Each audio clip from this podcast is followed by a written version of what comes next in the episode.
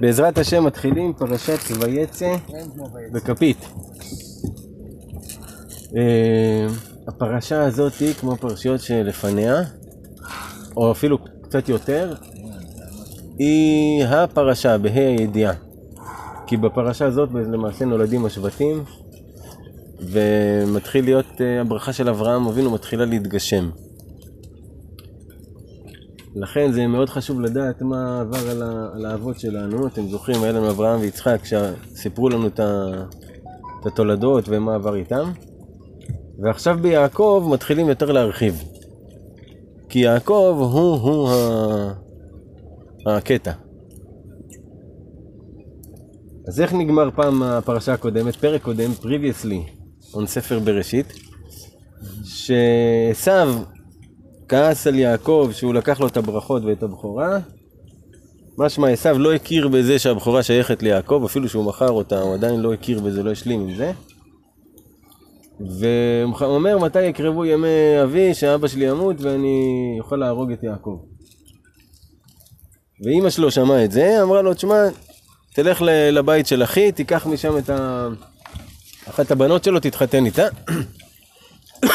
אמרה ליצחק, יצחק הסכים איתה, שלחו את יעקב. פה נגמר. עכשיו, ויצא יעקב מבאר שבע וילך הרנה. יעקב היה גר בבאר שבע עם אבא שלו, יצא משם ללכת חרנה. מה זה ויצא? למה לא כתוב וילך? רש"י אומר, בגלל שכשהצדיק עוזב את העיר, כשהוא יוצא ממנה, פנה זיווה, פנה הודעה, פנה הדרה, נהיה אה, רקנות במקום. מרגישים, מרגישים את זה שהוא יצא.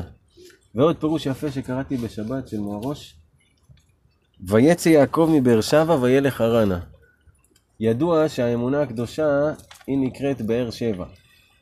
כי היא הספירה השביעית, היא ספירת המלכות מלמטה. אם אתה מתחיל מחסד, היא הספירה התחתונה, הספירה השביעית, ולכן היא נקראת באר שבע. אז הוא אומר, ויצא יעקב מבאר שבע, תכף איך שאתה יוצא מהאמונה, ויהיה לך רנה, נהיה לך חרון אף. נהיה לך כבר עצבים ודברים מתחילים להציק לך ונהיה לך כבר uh, עניינים. יצא מבאר שבע ויהיה לך רנה. מה קרה שם בסיפור? הוא יצא מבאר שבע ונשאר 14 שנה אצל אוהל שם ועבר, ללמוד אצלם תורה.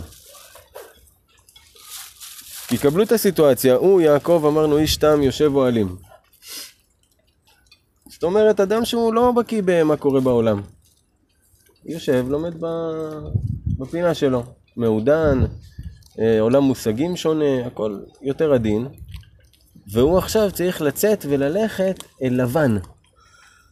שלבן היה ידוע ומפורסם שהוא היה איש רמאי, ואיש אה, לא ישר, ועובד אלילים. נבל. נבל, כמו שאמרנו, לבן הארמי זה אותיות נבל הרמאי. כולם ידעו את זה, וגם יעקב ידע את זה, והוא בתור עם כל מי שהוא מעודן כזה, צריך ללכת עכשיו לבית חרן, לבית uh, לבן, ולהסתדר שם. אז הוא... אז הוא יצא משם והלך 14 שנה לבית מדרשם של שם ועבר להכין לעצמו את הכלים על מנת שהוא יוכל להתמודד בגודל החושך אצל לבן. זה מה שהוא עשה שם.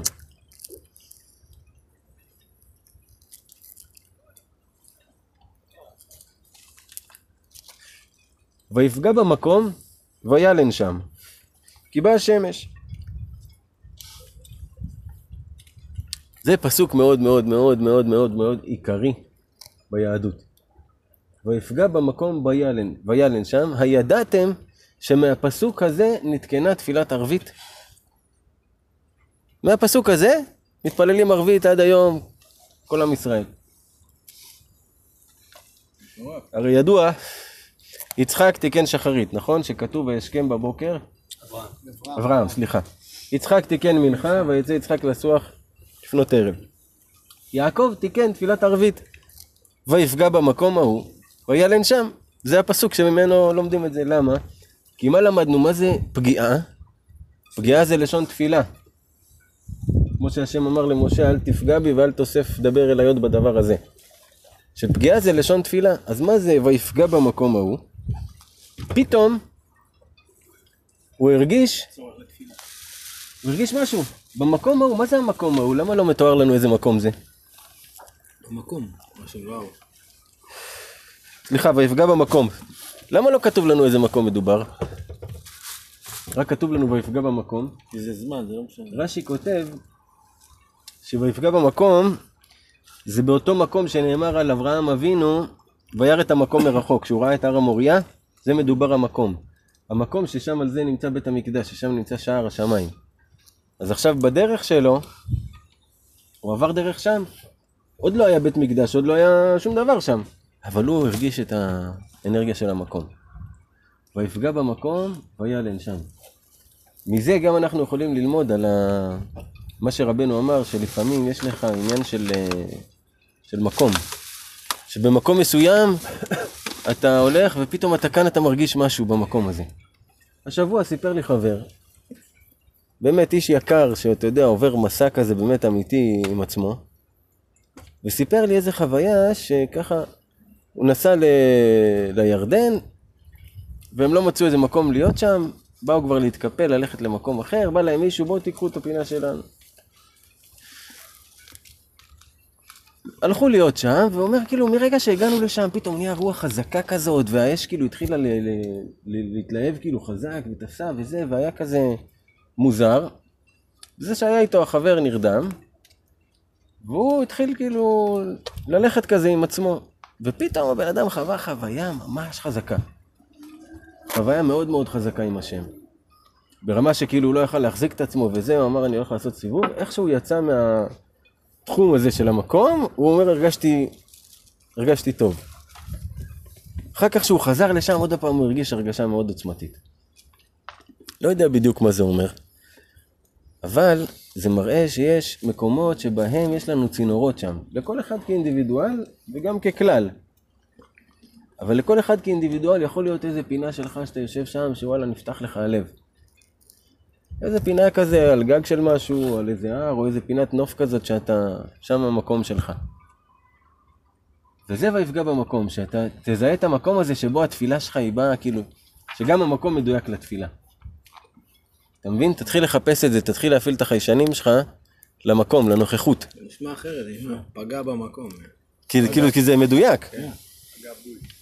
וילן שם כי באה השמש. מה ההיגיון יאלן ובא השמש? זה נשמע הפוך, כאילו. באה השמש זה מדובר על שקיעה. כן? כן. זה לנו בשיבוש השפה, שיבוש השפה. עכשיו, בפרשה פה, בגלל שהיא כזאת חשובה, אני כן רוצה שאנחנו נקרא קצת מרש"י עצמו. יש פה דברים נפלאים, אז זה אולי ייקח לנו קצת יותר זמן, אבל, אבל זו פרשה שהיא ממש חשובה להבין אותה. ובפרט, שגל מתחילת, שהתחלנו ללמוד פרשות שבוע, חיכה לפרשה הזאתי. כי יש כאן איזה נושא שמאוד, אה, הרבה אנשים לא מצליחים להבין אותו. מה מדובר פה, כאילו זה נשמע לך סינית. אז ככה לאט לאט.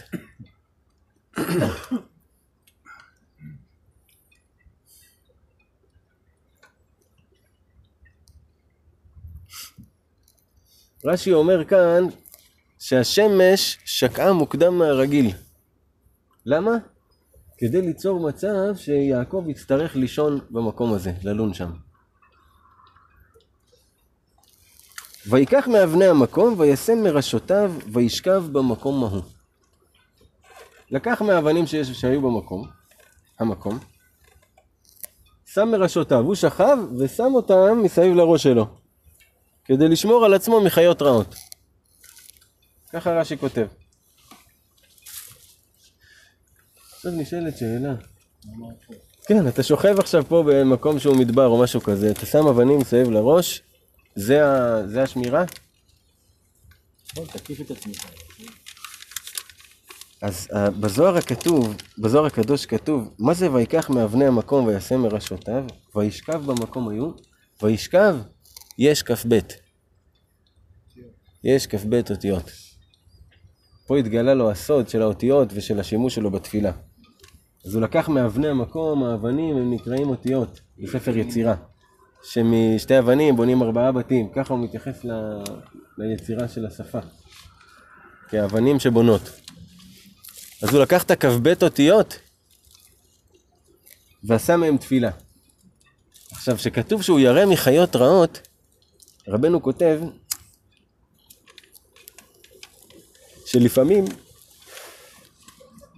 הקדוש ברוך הוא זורק לאדם מחשבות בתוך המוח כדי שהוא יילחם בהם. ורבנו אומר, זה כמו בימי הפגרה שהמלכים שמים חיות רעות שיילחמו ביניהם והם יושבים ומסתכלים ויש להם תענוג גדול מה... מהמלחמה. כמו גלדיאטורים. לפעמים הקדוש ברוך הוא זורק לך מחשבות בתוך המוח כדי שאתה תתמודד איתם ותילחם בהם ויש לו תענוג מזה, הוא יושב ומסתכל, כאילו, על זה הכיף שלו.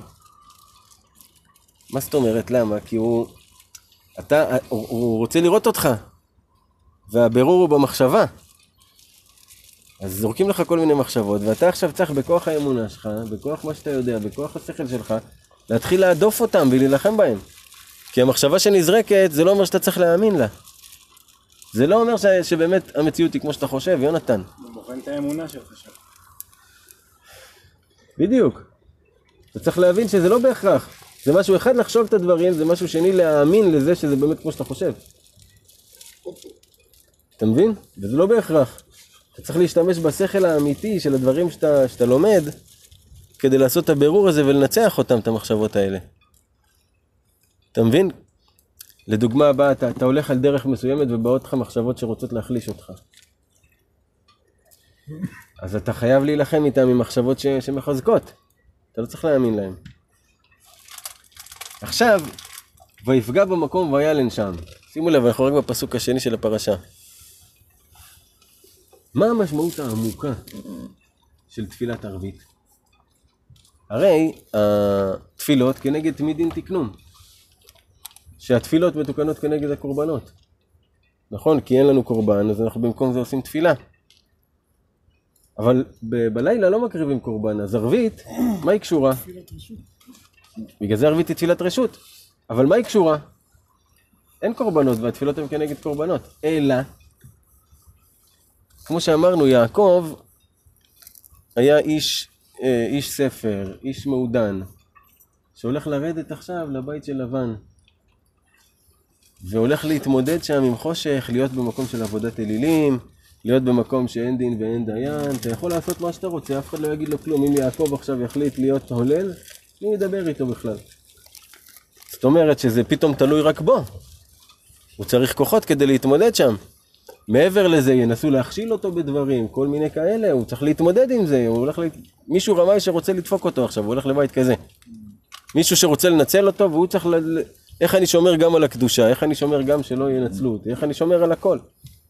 אז מה הוא עשה? הוא הקדים תפילה. הוא התפלל לקדוש ברוך הוא. מלפני, הוא כבר ידע לאן הוא הולך, אז הוא התפלל אליו, ותכף אנחנו נראה את, את התפילה היפה הזאת שלו. שהוא יתפלל לקדוש ברוך הוא, שישמור אותו, שיהיה איתו, שיעזור לו להתגבר על כל מה שהולך לבוא. שהוא לא יודע מה יהיה, אבל שיהיה איתו, שהדבר הזה נתן לו אחר כך כוח להאמין שהשם איתו בשביל להתמודד. וזה מה שאנחנו צריכים לדעת על התפילה. זה אחרי 14 יום שהוא עשה הכנה. 14 שנה. 14 שנה. שהוא קודם קיבל שכל, ואז הוא הגיע לכאן והחליט שהוא מתפלל על זה. פה אנחנו עכשיו את התהליך שהוא יוצא משם ועבר? כן. פה הוא כבר אחרי שיצא משם ועבר. עכשיו, עוד דבר קרה לו בדרך לשם אולי הוא ועבר. גם רצה להרבות בתפילות, כי הוא לא צריך שם להרבות בתפילות, צריך להוסיף בתפילה. בדרך לשם ועבר, עשיו קלט שיעקב בורח. אז הוא אמר לבן שלו, אליפז, תשמע, יעקב בורח עכשיו, לך תהרוג אותו. בלי שאף אחד יודע, תטמון אותו בחול, אף אחד לא יודע שאתה הורג אותו על מה שהוא עשה לי. אליפז זה הבן של עשיו. אז אליפז לקח את הגיבורים שלו ויצאו, ל... רדפו אחרי יעקב, להרוג אותו. תחשוב, דמה לך יעקב, איש תם, יושב אוהלים, כולו חמוד כזה, כולו חביב, איש של אהבה, הולך לו לבד ב... ב... אתה יודע, בדרך לדוד שלו, הרמאי. נתנו לו, אבא שלו ואמא שלו נתנו לו מתנות וזה, שיהיה לו כסף, שיהיה לו כאילו, עם מה להתחיל את הדרך. פתאום אליפז, האחיין שלו, שתי חרבות. מגיע לו עם כל החבר'ה, חרבות שלופות וזה. אומר לו, מה, אליפז? כי הם היו חברים, הוא אהב אותו. אחיין שלו סך הכל. אומר לו, מה, מה נסגר? אומר לו, תשמע, אבא שלי אמר לי להרוג אותך, ואני חייב לקיים את מצוות אבי. הרי ידוע שעשו היה מקיים מצוות כיבוד אב, זה מאוד חזק אצלם. אז אליפז היה נחוש לעשות את מה שהוא צריך. אז יעקב אמר לו, תשמע, מי שעני חשוב כמת, מי שאין לו כלום הוא חשוב כאילו הוא מת. קח את כל הרכוש, כל מה שיש לי כאן תיקח. ו... אתה לא עובר על וכאילו אתה לא. עובר על ציווי אביך, בדיוק, וכאילו הרגת אותי. והוא הסכים עם זה בסוף, ואז ככה יעקב התרושש מכל מה שהיה לו. כל מה שהוא רצה לקחת איתו, כלום, אין שום דבר. הדבר היחיד שיש לו זה את עצמו ואת השם. היה אלוף התחבולות, אה? עם לבן הכסף מדבר. כן. והיה חלום, אמרנו הוא עכשיו. עכשיו שימו לב שיש לנו כאן שלוש פעמים את המילה מקום בפסוק הזה. ויפגע במקום, וילן שם כי באה השמש, ויקח מאבני המקום, וישם מראשותיו, וישכב במקום ההוא. שלוש פעמים המקום מופיע כאן.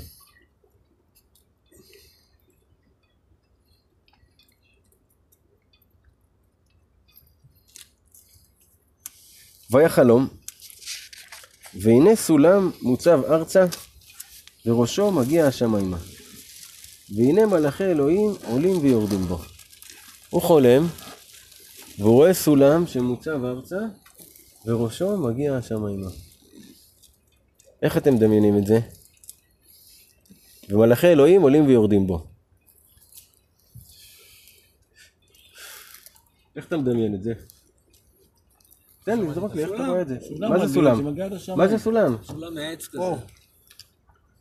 מה זה אומר? כאילו משהו אחד כזה ישיר עם שלבים שעולה ל- לשמיים? ואיך מלאכי אלוהים עולים ויורדים בו? מרחפים כזה ליד. מרחפים ליד. אני דווקא דמיין אותי ממש עולים כאילו. ויורדים, איך הם עולים ויורדים? אחד עולה, אחד יורד. כן, אחד אחרי השני, בתורות. אני לא רואה את זה סולם צר, זה סולם רחב. אה, אוקיי. אבל כולם רואים את זה כסולם שהוא כאן ועולה למעלה לשמיים. ישר או אלכסוני? אז האמת היא שמתכף ממה שאנחנו נלמד בהמשך הפרשה מדובר על סולם שהוא כזה, הוא כמו וי הפוך. שראשו, שהקטע הגבוה שלו, הוא נמצא בשמיים, כן, כמו A, הסולמות האלו. שמלאכי אלוהים עולים מהצד הזה, והשניים יורדים מהצד השני. עכשיו, ראשו מגיע השמיימה, כתוב שהרגליים שלו היו באיפה שיעקב נמצא, הקצה שלו איפה שהוא למעלה, בדיוק מעל ירושלים, והצד השני שלו איפה שיורדים המלאכים זה בית אל. זה הסולם שהוא ראה. עכשיו רש"י אומר כאן, מה זה המלאכי אלוהים עולים ויורדים? הוא ראה שמלאכי ארץ ישראל, כי הוא הרי עזב עכשיו את ארץ ישראל, עולים, ויורדים מלאכים של חוץ לארץ ללוות אותו. מלאכים אחרים עכשיו מתחילים ללוות את יעקב. זה החלום שהוא חולם. את הסולם הזה, ראשו מגיע השמיימה, מלאכי אלוהים עולים ויורדים בו. והנה, אדוני ניצב עליו. ויאמר אני אדוני אלוהי אברהם אביך ואלוהי יצחק. בתוך החלום שלו, רואה את המלאכי אלוהים עולים ויורדים, והנה הוויה ניצב עליו. פתאום הוא, הוויה כאילו, מתחיל להיות פה, ואומר לו, אני האלוהים של אה, אבא שלך יצחק ושל אה, אבא של סבא שלך יעקב. הוא מתגלה אליו לראשונה. הרי אם אתם זוכרים, לכל האבות הוא, הוא התגלה באיזשהו שלב, באיזשהו קטע. אז עכשיו, הנקודה שבה הוא מתגלה ליעקב.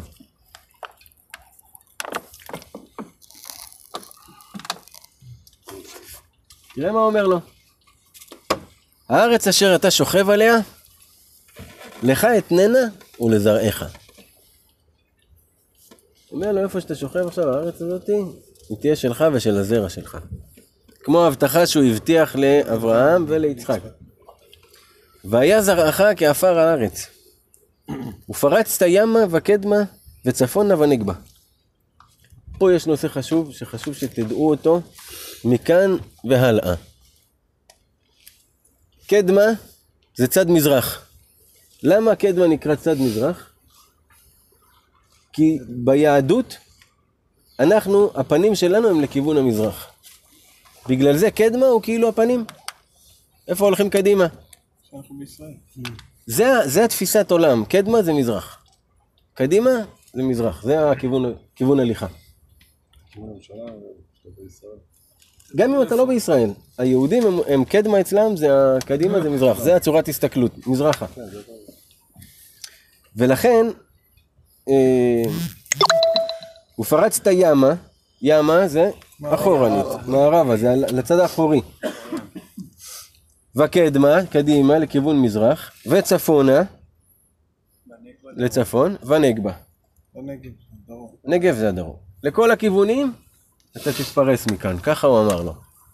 אבל מכאן אנחנו רואים, וככה זה יהיה לאורך כל התורה, וככה זה לאורך ההסתכלות. גם כשהחוקרים, חוקרי השפה, חוקרים את ההתפתחות של השפה, הם חוקרים אותה שהיהדות היא קדמה, היא מתפתחת לכיוון מזרח. מה שכל הזמן השאר לוקחים את ההתפתחות מהמזרח למערב. ונברחו בך כל משפחות האדמה ובזרעך. אומר לו, וכל משפחות האדמה יתברכו בך ובזרעך, שהם ירצו להיות כמוך, הם ירצו להיות לידכם, הם ירצו... כמו הברכות שהוא בירך את אברהם ואת יצחק. למעשה זה, זה כמו חזקה. הוא בירך את האבא, אחר כך הוא בא לבן, אמר לו, אני התכוונתי עליך, אותך אני הולך לברך, את הזרע שלך. עכשיו הוא בא ליעקב, הוא אומר לו, אתה. גושפנקה, שאתה הוא זה שממשיך את דרכו. כן, ולא עשו. מתוך התפלגות.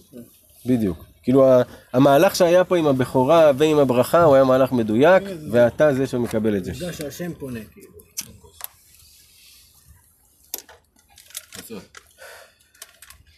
והנה אנוכי עמך, ושמרתיך בכל אשר תלך.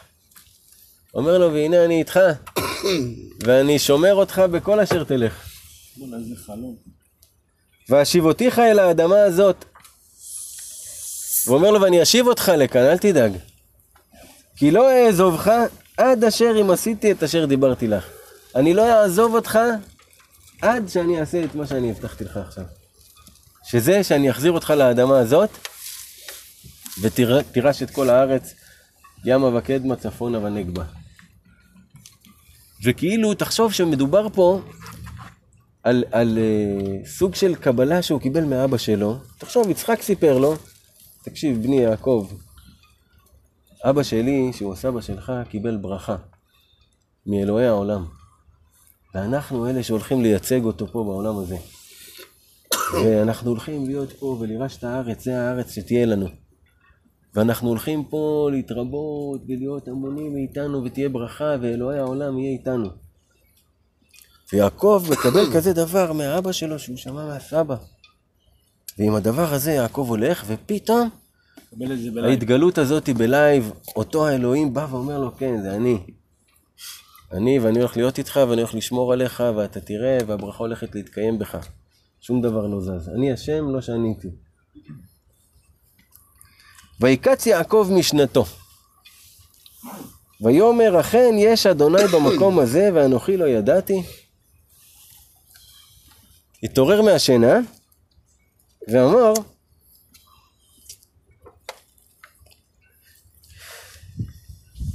מי ישן במקום הזה? הוא אומר שאם הייתי יודע, לא הייתי נרדם במקום קדוש כזה.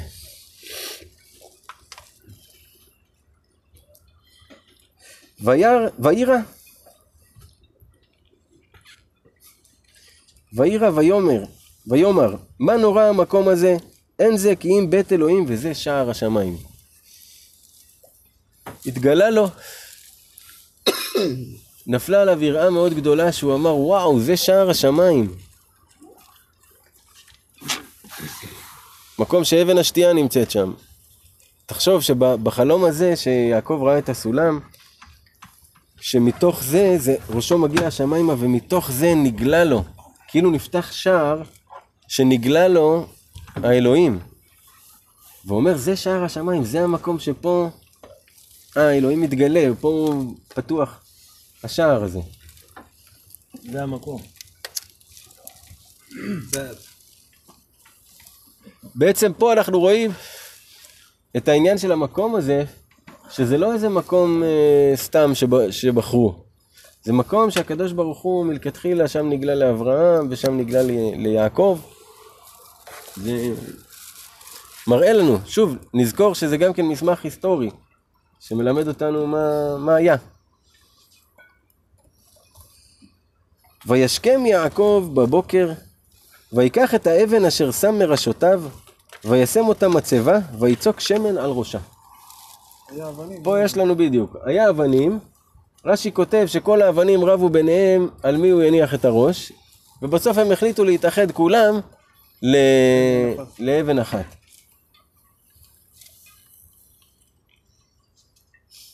שזה בעניין של היש כ"ב, שאם ניקח את העניין של, ה... של האותיות, שהאבנים הם האותיות, שבסופו של דבר הכל מתקבץ, כל האלף בית מתקבצים ל- למשהו אחד. כמו הסיפור עם הבעל שם טוב, שכשהם היו בדרך לארץ ישראל, אז ה- לקחו אותם אה, פיראטים, והם אה, מאוד פחדו, קשרו אותם לעץ, אתה יודע, כאילו עוד מעט הולכים כאילו לעשות איתם משהו, היה בעל שם טוב, התלמיד שלו והבת שלו, אדל, סבתא של רבנו. שלושתם קשורים לעץ כזה, ו... לא? אה? לא, זה היה ב- בלמטה כבר. ואז אה, התלמיד של הבעל שם טוב אומר לו, רבי, תעשה משהו. תעשה, תגיד איזה שם, תעשה איזה משהו שיחלץ אותנו מכאן. אמר לו, אני לא יודע כלום. מה, אתה זוכר משהו? אתה זוכר תפילה? אתה זוכר משהו? הוא אומר לו, אני זוכר רק את האלף-בית. אמר לו, תגיד את האלף-בית. אז התלמיד שלו התחיל להגיד את האלף-בית, הבעל שם טוב חזר לו כל המוחין, אמר שם והציל אותם משם. שבאלף בית כלול הכל, שזה האבן האחת הזאת שנוצרה מכל, ה... מכל האלף בית. לקח את אותה האבן, שם אותה ועשה אותה מצבה, כי הרי ראינו שבכריתות ברית היה להם עניין של אה, מצבה או של מזבח או משהו עם אבן שהוא מסמל.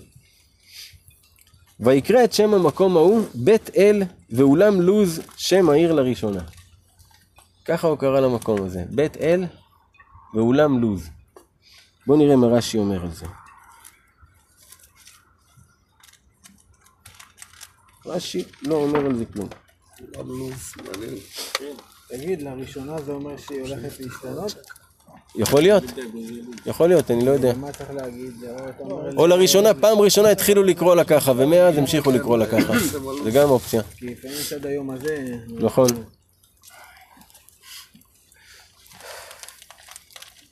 וידר יעקב נדר לאמור. תראה איזה יופי. יעקב הראשון שנודר נדר, אז זו הפעם הראשונה שאנחנו נתקלים בדבר הזה, נכון?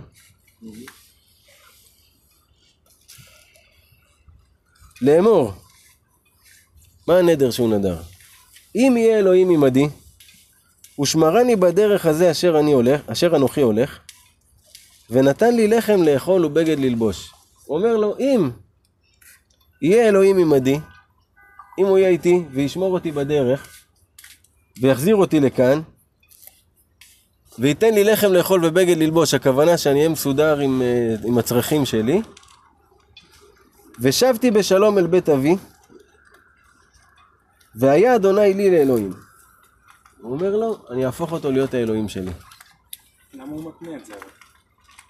זה לא בדיוק תנאי, זה נדר. הוא אומר לו, אם זה יהיה ככה, אני נודר שאני אעשה את זה. הבנת? זה לא תנאי, זה נדר, יש הבדל. נדר זה אם תעשה לי, אז אולי... ואי אפשר לחשוב שעד אז הוא לא, כאילו, לא, לא, לא היה במצב הזה? לא עשה אותו אלוהים? לא, הוא עוד לא התגלה אליו, הוא עוד לא חווה את ה... עוד לא חווה אותו. אז הוא אומר לו, כאילו אם אתה מקיים, הרי עכשיו הם כורתים ברית. גם אברהם כרת ברית עם, עם האלוהים. אז כריתות ברית, יש פה שני צדדים. הוא אומר לו, אם אתה מקיים את הצד שלך, אני נודר שאני מקיים את הצד שלי. אפשר לצייר את זה גם יפה, שכאילו, השם הרי בא אליו, הוא אומר לו, אני אעשה איתך ככה, ככה, ויקרה לך ככה, ואז הוא מתפעל מזה, הוא אומר לו, וואלה, אתה יודע מה? אם אתה לי את כל זה, אני חוזר, אני הולך... הוא לא אמר לו את כל זה, הוא אמר לו אפילו בצניעות. רק זה שייתן לי לחם לאכול כן, ובגד כן. ללבוש ותשמור אותי שלא יקרה לי כן, כלום. את המינימום תן לי. זה מראה משהו מאוד יפה על מוחין בגדלות, כי בדרך כלל אנשים מתפללים, יש להם איזו יראה כזאת, שהם כאילו מרגישים, מה, לא נעים, אני לא אבקש עכשיו, אני לא, לא אגיד כזה דבר. Mm. והנה, מראים לך אבותינו, באו בקטע, כן, עשו איתו סוג של... אה, אתם יודעים מה? בעזרת השם, אחרי השיעור הזה, אנחנו נפתח, נפתח את התורה של רבנו שעוסקת בנדרים, כי יש שם משהו ממש מעניין, ונלמד את זה.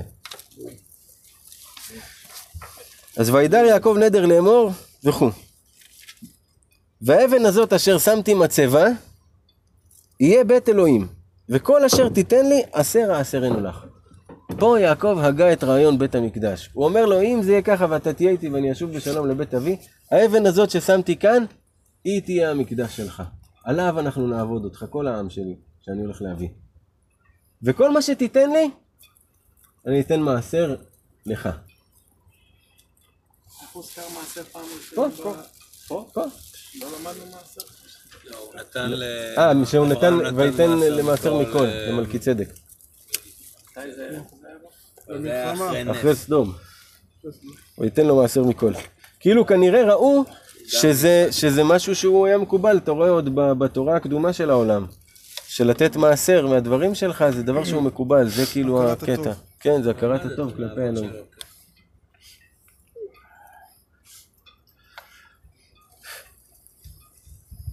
וישא יעקב רגליו, וילך ארצה בני קדם. בני קדם, לא מדובר פה במקרה הזה על המזרח הרחוק, אלא בני קדם, תחשבו שאם אם יעקב עמד עכשיו בצד מערב עם הפנים קדמה, והוא הלך לשם, התקדם לשם, הוא הגיע למקום שכלפיו הוא נקרא בני קדם, כי הוא היה מערבית לזה. אז הוא הגיע למקום הזה, וירא והנה באר בשדה.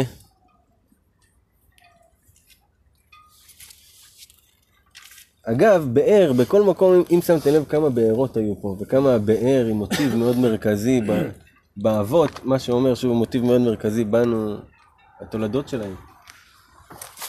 באר מסמל ברמה הרוחנית, בידך הפקיד רוחי. זה סוד באר.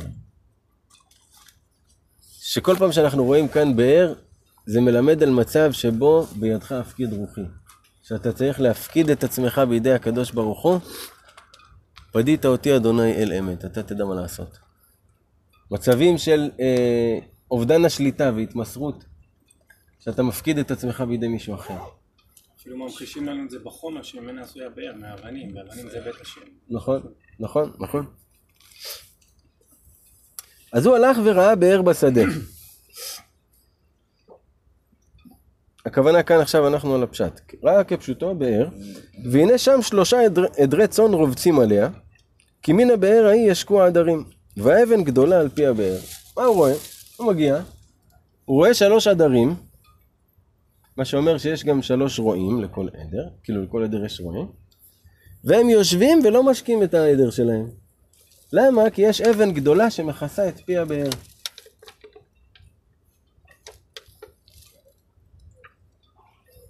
ונאספו שם כל העדרים, וגללו את האבן מעל פי הבאר, והשקו את הצאן, והשיבו את האבן על פי הבאר למקומה. מה הוא רואה? פתאום מגיעים עוד עדרים עם עוד רועים, ואז כולם מתקבצים יחד כדי להרים את האבן הזאתי. מזיזים אותה, משקים את העדרים,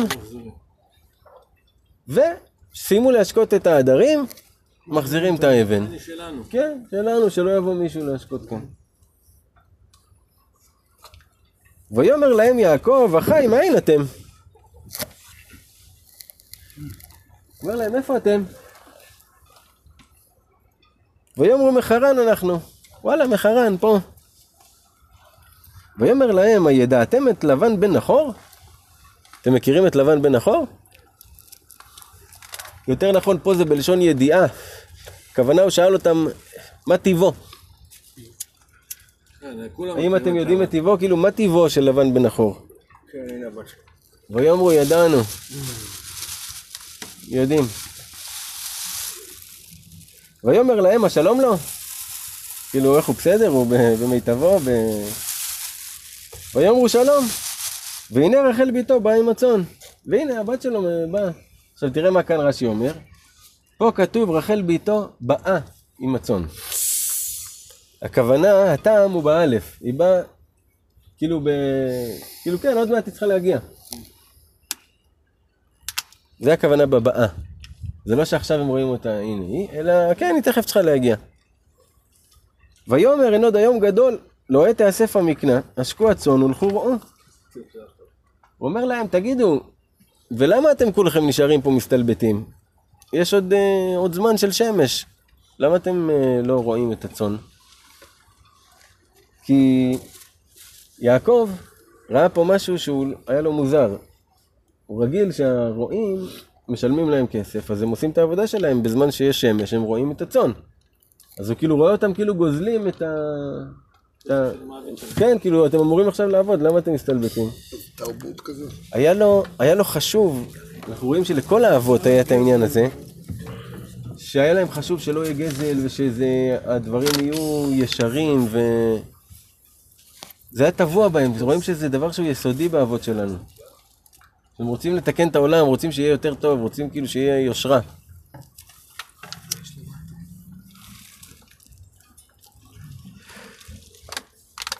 ויאמרו לא נוכל עד אשר יאספו כל העדרים וגללו את האבן מעל פי הבאר והשכינו הצאן.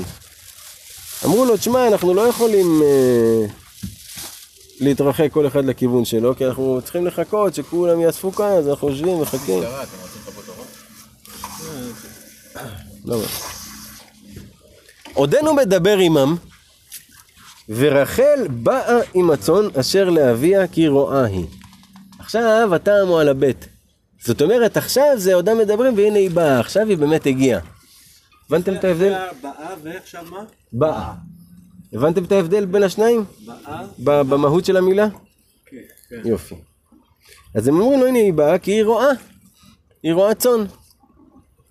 מכאן אנחנו לומדים אין לו בנים. שאין לו בנים. כי אם היה לו בנים, אז הבן שלו היה רואה את הצאן, לא הבת שלו. ויהי כאשר ראה יעקב את רחל בת לבן אחי אמו, ואת צאן לבן אחי אמו, ויגש יעקב ויגל את האבן מעל פי הבאר, וישק את צאן לבן אחי אמו. הוא קיבל כוחות, ראה את רחל, באה לו בול. בול היא באה לו. הלך, הזיז את האבן. הבן אדם נדהם, התאהב יענו, וואו, הלך, רץ לאבן, מה זה האבן הזאת, יעיף אותה? בואי, בואי, בואי, בואי, בואי תשקי, בואי. וגם גם נראה לי הם אמרו לפני כן שכמה אנשים שכמה אנשים היו צריכים להזיז את האבן. קודם אמרו שכמה אנשים היו צריכים להזיז את האבן, ועכשיו והוא הזיז אותה. לבד. תראה מה זה כוחה של אהבה. וישק יעקב לרחל, וישא את קולו ויבק. בא, נתן לה נשיקה, ובכה. שימו לב שוישק ווישק זה אותה, אותה המילה. למה הוא בכה? רש"י כותב כאן, שהוא ראה שהיא לא תיכנס איתו לקבורה, שהיא לא תיקבר איתו. כאילו הוא, הוא ראה את, ה, כן, את החיבור שלהם, אבל הוא ראה שהם לא יזכו להיות קבורים יחד. וזה צייר אותו. אבל מה שקרה פה, חבר'ה, זה מה שנקרא אהבה ממבט ראשון. פר אקסלנס. ברגע שהם ראו אחד את השני, זה היה כל כך ברור שזה זה.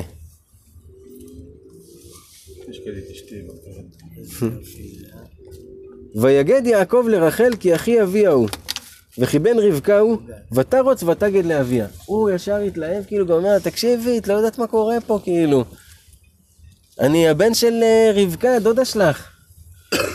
ואני באתי, באתי כאילו בשביל, אה, בשבילך, בתכלס.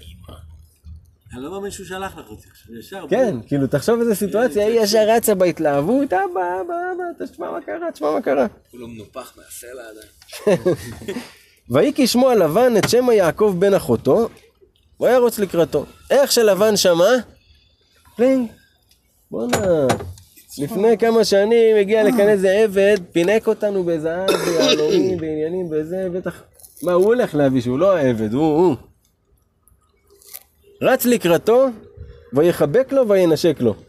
רש"י אומר כאן, הוא ראה שהוא לא הביא כלום, אז הוא חיבק אותו למשש אם יש לו בכיסים משהו אולי, ואז הוא נתן לו נשיקה בלחי לראות אולי הוא מחביא אבנים טובות, מרגליות, משהו כאן, ראה שאין כלום.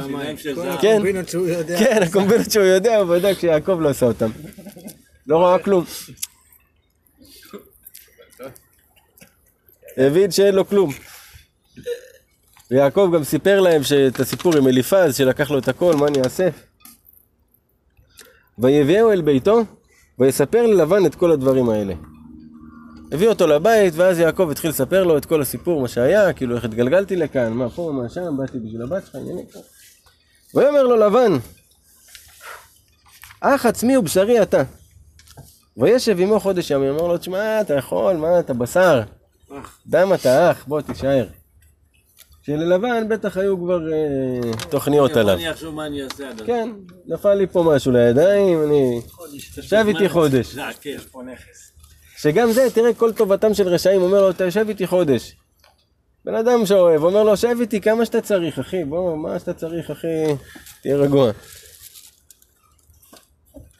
ויאמר לבן ליעקב, אחרי החודש, אחי, אחי אתה ואהבתני חינם, אגידה לי מה משכורתך. אמר לו, תשמע, אתה כמו אחי. אתה לא יכול לעבוד אותי בחינם וזה, תגיד לי, מה המשכורת שאתה רוצה בעבור העבודה? כי הוא היה רואה לו את הצאן ועושה לו כל מה שצריך. וללבן שתי בנות, שם הגדולה לאה ושם הקטנה רחל. וללבן באותו זמן יש שתי בנות. שם הגדולה לאה ושם הקטנה רחל. ועיני לאה רכות, ורחל הייתה יפת תואר ויפת מראה. הייתה רחל שיעקב אה, כן, היה במ- במבט ראשון. אז לאה היו עיני הרכות. למה היו עיני הרכות? בגלל שהיא כל הזמן הייתה בוכה. כי היא אמרה ליצחק, יש שתי, שני בנים, ואנחנו שתי בנות. הקטנה ייתנו לקטן, ואותי ייתנו לגדול, אז אותי ייתנו לרשע, לעשו, אני לא רוצה להיות עם עשו.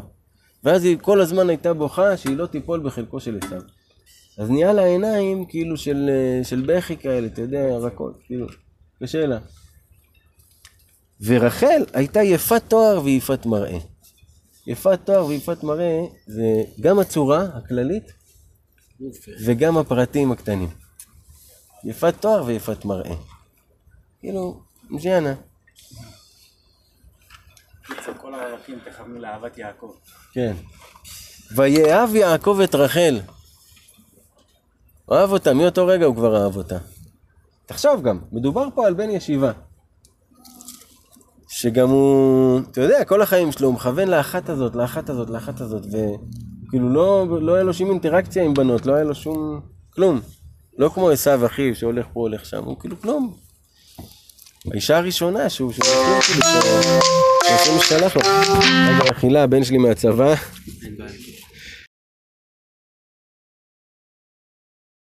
גונג. יפה.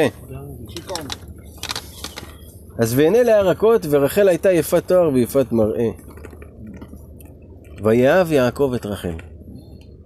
ויאמר, אעבודך שבע שנים ברחל בתך הקטנה. שמתם לב, התורה רגע פתחה סוגריים, ציירה לנו סיטואציה, שיש שתי בנות ושיעקב אוהב את רחל, ואז היא חזרה לסיטואציה שהייתה, שלבן אומר לו, מה המשכורת שאתה רוצה בעבור העבודה שלך? אז הוא אומר לו, תשמע, אני אעבוד אותך שבע שנים בשביל רחל בתך הקטנה. רש"י אומר שכאן יעקב אמר לו, תשמע, אני אעבוד אותך שבע שנים ברחל. ואז לבן בראש שלו חשב, יש מלא רחל. נעבוד עליו עם רחל אחרת אני אביא לו. אז אומר לו, בתך. לבן חשב בראש, יש לי שתי בנות, אני אתן לו את דינה. אומר לו, הקטנה. יענו, אין לך לאן לברוח. ברחל בתך הקטנה. ויאמר לבן, טוב תיתי אותה לך מתיתי אותה לאיש אחר, שבא עמדי. יאללה, עשינו עסק. טוב, אני מעדיף לתת אותך, אותה לך מאשר לתת אותה למישהו אחר. הגיוני סך הכל, לא? דאונר. שב, יאללה, בוא נצא לדרך. ויעבוד יעקב ברחל שבע שנים, ויהיו בעיניו כימים אחדים באהבתו אותה. תראו איזה יופי התורה שלנו מתארת אהבה.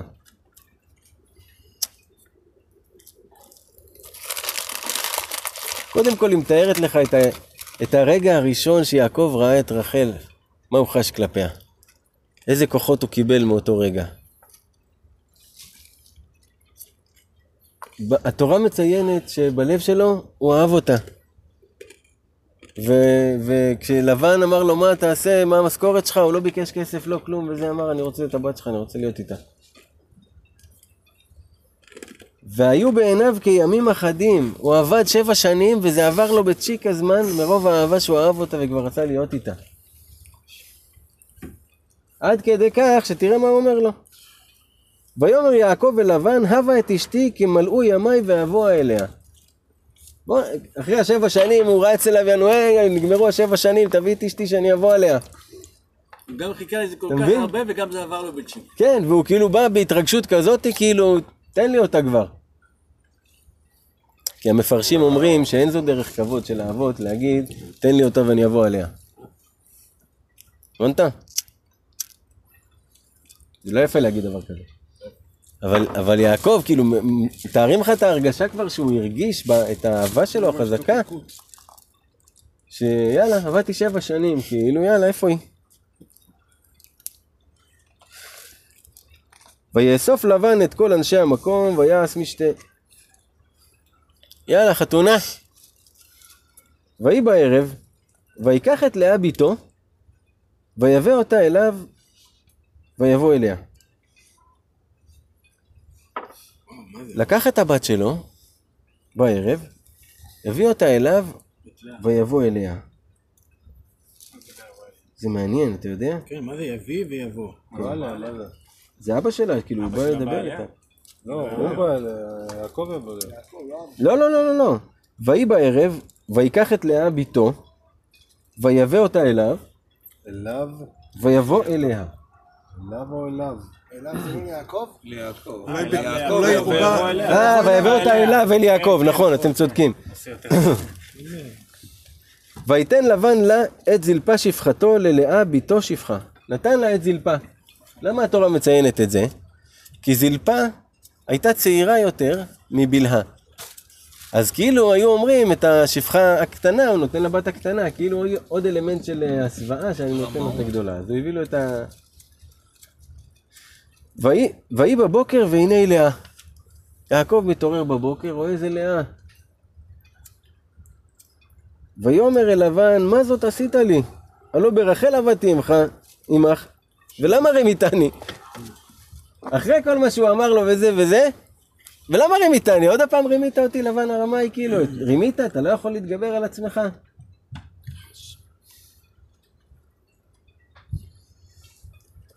עכשיו תראו דבר סוד שרבנו אומר בשיחות הר"ן, שלא היה מובן לי שנים.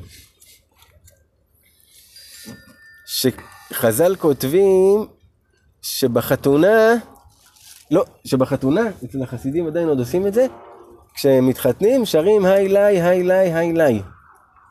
היי לי, היי לי, היי לי. גם הכולו לא רגיל שעושים כולו. לא, לא, לא, לא, לא, היי לי, היי לי, היי לי. היי לי, היי לי, היי לי. רבנו, מה הוא מביא בשיחות הר"ן? כאילו מ-out of nowhere. שהיא לאה, היא לאה, היא לאה, צועקים לחתן. היא לאה, היא לאה, היא לאה, זה בא מכאן. תיזהר, הוא אומר תיזהר שלא ת, תיפול בצד הדין, בצד הלא טוב של, ה, של האישה. מרמזים לו את זה בחתונה, ששרים לו היי לי, היי לי. משם.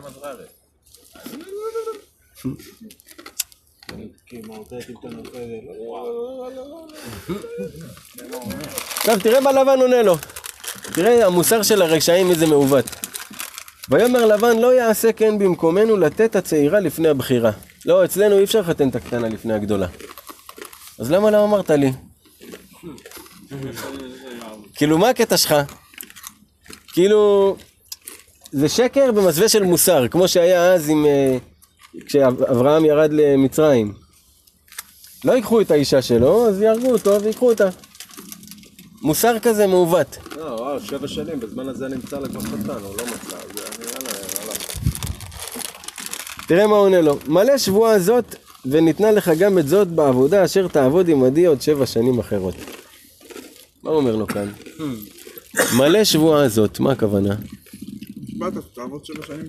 מלא את השבוע הזה של ימי המשתה שיש לך עם לאה, תתחתן עם רחל בעוד שבע ימים, אבל תעבוד אותי שבע שנים אחר כך, בתמורה. זה דבר שחשוב לדעת אותו, מה זה? שהוא התחתן שבוע אחרי הוא התחתן עם רחל, הוא לא עבד שבע שנים ואז התחתן, אלא שבוע אחרי הוא התחתן, ועבד שבע שנים בתמורה. כן, בתמורה יודע שהוא כאילו משלם את החוב שלו. הוא כבר גדל בשבע שנים האלה. מלא מסיבות. כן, ויעש יעקב כן, וימלא שבועה זאת, ויתן לו את רחל בתו לא לאישה. הנה אחרי השבוע, נתנו לו את רחל לאישה. ויתן לבן לרחל בתו את בלהה שפחתו לה לשפחה. הוא נתן את השפחה שלו לרחל. שהיא הייתה גדולה יותר, מה שאומר, בעניין של שפחות שהיו אז, הן גם היו הופכות להיות החברה הכי טובה או המאמה של, ה... של הגבירה. אז כשהוא, זה שהוא נתן את שפחתו, זה מראה שהוא נתן לה אה, את, ה, את הזאת שתדאג לה. את זאת שתדאג לה ממש. עכשיו, מקודם, דילגנו על איזה עניין שהוא קם בבוקר וראה שזה לאה. אז שאלה שמתבקשת זה כאילו איך הוא לא ראה את זה קודם לכן, איך הוא לא הרגיש קודם לכן. אז כתוב שיעקב חשד שלבן יעשה לו טריק. אז הוא קבע סימנים עם רחל. שזה הסימנים, ככה אני אדע ואת תדעי. ורחל קלטה שלא חשוב מה קורה, הולכים לחתן את לאה. היא לא רצתה שלאה תתבייש, שפתאום יעקב יבוא יגיד לה את הסימנים, והיא לא תדע מה לענות, והוא יגיד, וואי, את לאה, מה זה, אתם לא מתביישים, זה. לפרק את החתונה. לא רצתה שיהיה לה את הביזיון הזה, היא גילתה לה את, ה... את הסימנים, ואז הוא לא ידע, הוא חשב שזה רחל. והוא בא אליה, ומהרגע שהוא בא אליה, הוא כאילו בעל אותה, הוא אישה. אז ככה זה קרה. לא. אז הוא היה עם לאה קודם? כן. ואחרי שבוע התחתן עם רחל. סידרו לו מסיבת רווקים. כן. תודה. תראה מה התורה אומרת עוד. ויבוא גם אל רחל, ויאהב גם את רחל מלאה, ויעבוד עמו עוד שבע שנים אחרות. תראה, עוד הפעם התורה מציינת לנו. ויאהב גם את רחל מלאה. הוא אהב את לאה. הוא אהב את לאה. אבל את רחל הוא אהב את אהבת אמת, הוא הרגיש שהיא החיבור שלו, היא ה... הוא אהב אותה, כאילו היא החיבור האמיתי המקורי שהוא רצה, שהוא זה, אבל הוא אוהב גם את לאה. וירא אדוני כי שנואה לאה, ויפתח את רחמה ורחל עקרה. עכשיו השם ראה שיש פה משהו לא הוגן, בעיני השם, שהלאה מרגישה שנואה. מה הכוונה שנואה? היא מרגישה ש, שהבחירה המקורית והאמיתית של יעקב היא ברחל. אז היא מלכתחילה בתחושת אה, נחיתות כזאת כלפי רחל. וזה אחותה, היא אוהבת אותה סך הכל. גם מכירה לה תודה על העניין עם הסימנים, ותחושה מאוד קשה. אז השם ריחם עליה ופתח את רחמה. נתן לה ילד. ורחל, לא עלינו, הכרה. כאילו רחל מקבלת את האהבה, אבל אין לה את הפרי. זו סיטואציה קשה שיעקב היה בה, מבחינה רגשית ומבחינת כל הבחינות. וכל זה הוא גר אצל חמיב, ועובד אותו וחובות ועניינים, משלם חובות, רגע ממי, נעבור את השבע שנים, נקנה לך, מבטיח. ותער לאה, ותלד בן. ותקרא שמו ראובן, כי אמרה, ראה אדוני בעוניי, כי עתה יאהבני אישי. תראו איזה יופי. פה מדובר על הילד הראשון שנולד, רבותיי.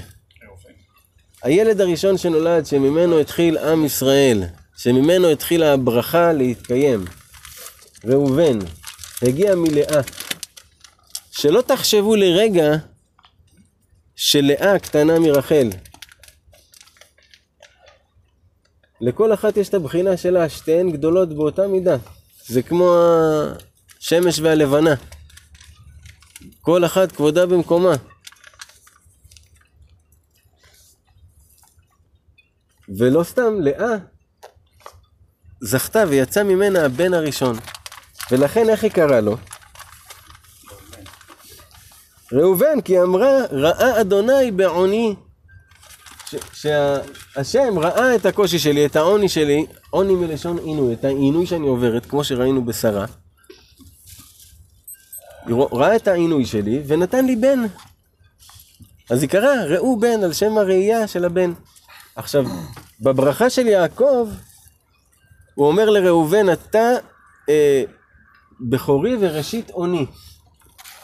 ראשית אוני זה הטיפה הראשונה ever של זרע שיצאה מיעקב, מזה נוצר ראובן. אתה יכול לתאר לעצמך את הדבר הזה? 84 שנה.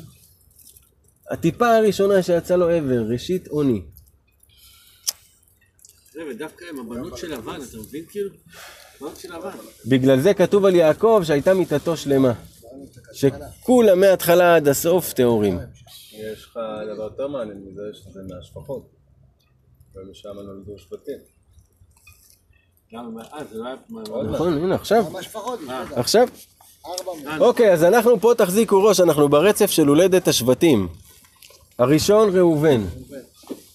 מחילה, אבל שפחה זה לא מישהי שהייתה עם כמה אנשים הייתה. עם כמה גברים, כאילו. לא, לא, לא, היא משרתת את הגבירה, היא דואגת לה לכל מה שהגבירה צריכה. מלבישה אותה בבוקר, זה, דואגת לה לאוכל, כל מה שהיא צריכה. היא מעם אחר בדרך כלל. נכון. ותער עוד. נכנסה עוד הפעם להיריון. ותלת בן. עוד בן. ותאמר כי שמע אדוני כי שנואה אנוכי. היא הייתה מתפללת על זה כל הזמן, תראה השם, תראה שאני שנואה, תשמע בקולי. ופתאום השם נתן לה עוד בן. נהיה שמחה. עכשיו מן הסתם יעקב צריך להיות איתה יותר, דואג, הוא בא לבן, הוא בא להיות עם הילד, הוא בא להיות עם הילדים, דואג לה, עכשיו היא בהיריון, אז הוא נו- נוכח יותר בחיים שלה. בגלל זה זה כל כך ברכה. שמע אדוני כי שנואה אנוכי, ויתן לי גם את זה, ותקרא שמו שמעון. מה זה אומר שמעון? תראו איזה יפה זה.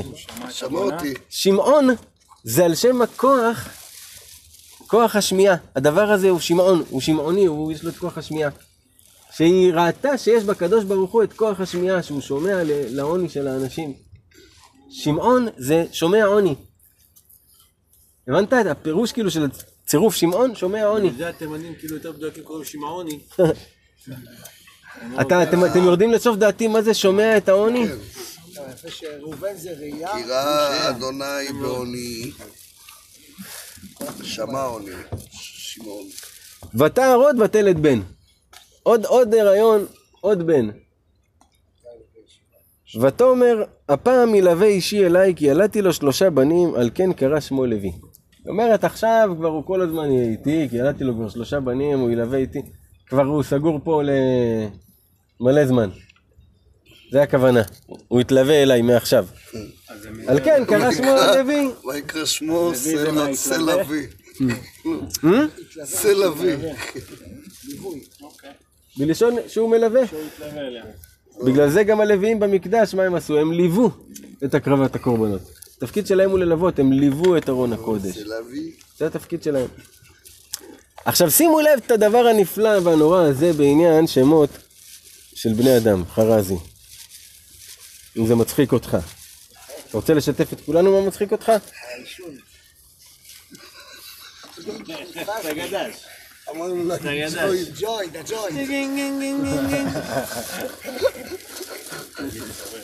אז תראו איזה יופי. כתוב שב... כשהעובר בבטן של אמו, היא מתחילה להכיר אותו. מה שהאבא לא. הוא גדל לה בתוך הגוף, היא- מכירה אותו הכי טוב שיש בעולם את הדבר הזה. הוא בתוכה עכשיו, הוא חלק ממנה. ולכן היא מכירה את ה... מה זה הדבר הזה. וכשהיא יולדת, היא מקבלת סוג של רוח הקודש, מה יהיה השם של הילד הזה. ופה אנחנו רואים בדיוק את ההמחשה של זה, שהיא ראתה איזה שפע הילד הזה הביא לעולם. עכשיו, ראה השם בעוני, ראובן, כי, כי על שם זה שהשם ראה בעוני, אני קוראת לו עכשיו ראובן. כי זה ההערה שהוא הביא. תולדות של המחשבה. יעקב זרם איתה. אמרתי את זה אז על הבנים. כן, כן. קטע, זה מאוד מתחבר. כאילו הקרינה ישר את המצב לתוך השם. היא קלטה שזה מה שהילד הזה הביא איתו, הרי כל ילד מביא איתו מתנה. ואחר כך שמעון, כי היא ראתה את השמיעה של הקדוש ברוך הוא, שהוא שומע אל העוני שלה. ואחר כך היא קלטה שמהילד הזה כבר הבעל שלה הולך להיות מלווה אליה, מסופח אליה, כי יש לה כבר שלוש ילדים, יש פה טיפולים, עניינים. זה קרה לו לוי. מבחינה של השם, בכל אחד ותער עוד, בר כלה. כמה ותלד בן, ותאמר הפעם אודה את אדוני. על כן קרא שמו יהודה, ותעמוד מלדת. כן. עכשיו מה הקטע? למה היא אמרה הפעם אודה את אדוני? למה עכשיו רק אני אודה את אדוני? כי ודאי ש... כי בחישוב יש ארבע אמהות, ויש 12, אז לכל אחד ייוולד שלוש בנים. והיא כבר נולד לה ארבע, שזה יותר מהחלק של מישהי פה. אז הפעם אני אודה את אדוני, כאילו, כי הוא נתן לי משהו שלא מגיע לי ולא מעבר למצופה. על כן קרא שמו יהודה, על שם כוח ההודיה. ותעמוד מלדת. ותרא רחל כי לא ילדה ליעקב. רחל רואה בכל הסיטואציה הזאת, אחותה יולדת פה ארבעה בנים, והיא לא, לא יולדת כלום, כאילו, קשה לה. ואתה יודע, יעקב גם כל הזמן נמצא עם אשתו והילדים, מדי פעם, פעם בכמה זמן הוא בא להיות איתה איזה ערב, איזה זה, אתה יודע, והם אוהבים אחד את השני, ו... כאילו גם ברור שהבעיה אצלה כביכול. כן, כי הוא יולד. כי הוא פורה. זו תחושה נוראית היא הייתה. בטח, מה, זה משחק עם הילדים שלה, הוא זה עם הילדים שלה. כן, בדיוק. והיא כאילו, זה אחיינים שלה, היא אוהבת כן. אותם, אבל עדיין, זה ממש. מורכב. תגיד, מאז אסור שתי נשים אחיות כאילו? לא, מהתורה רק זה התחיל. אוקיי. ות- ותקנא רחל באחותה. היא לא יכלה שלא. זה לא בא מרוע, אבל היא לא יכלה שלא. ותאמר אל יעקב, הבה לי בנים, ואם אין מתה אנוכי. תן לי ילדים כמו שאתה נותן לה, ואם לא, אני מתה, אני לא יכולה ככה. היא מרגישה כמו מתה.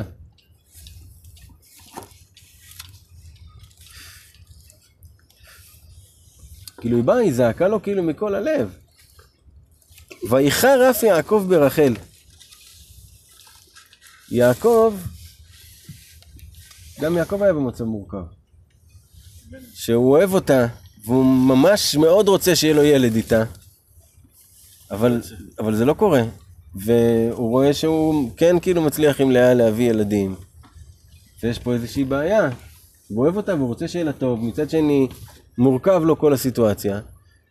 אז היא באה ואומרת לו, תשמע, תן לי בנים כמו שנתת לה, או שאם לא, אז אני מתה כאילו, אני לא יכולה יותר. והוא, כל הסיטואציה הזאת הכניסה אותו למין דוחק פנימי כזה, ש... שיצא ממנו כאילו תגובה של כאילו חרון אף כזה, של אה, קצר איתה. אמר לה, ויאמר, התחת אלוהים אנוכי, אשר מנע ממך פרי בטן? מה, אני אלוהים ש... שאני מונע ממך את הילד?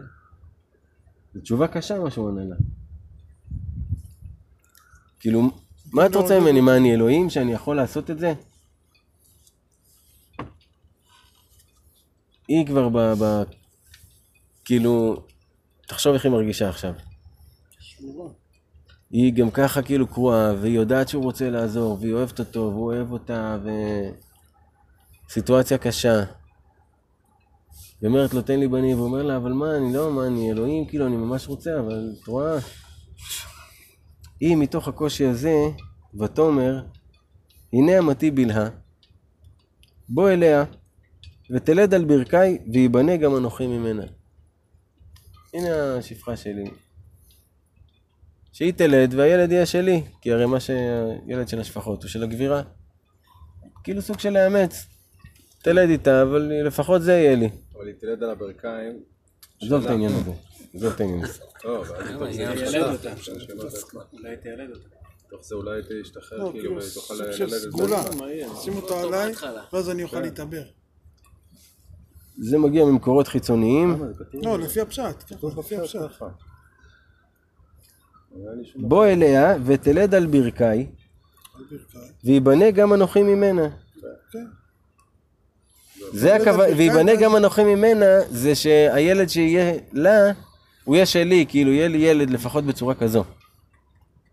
אין פה דקאית, כאילו. כן, זה בדיוק סיפורה של שפחה. בגלל זה אני אומר שזה מקורות זרים. לא, אבל זה לא קשור. אני לא יודע אם זה סיפורות של זרים גם ככה, כאילו היא תתעבר מזה.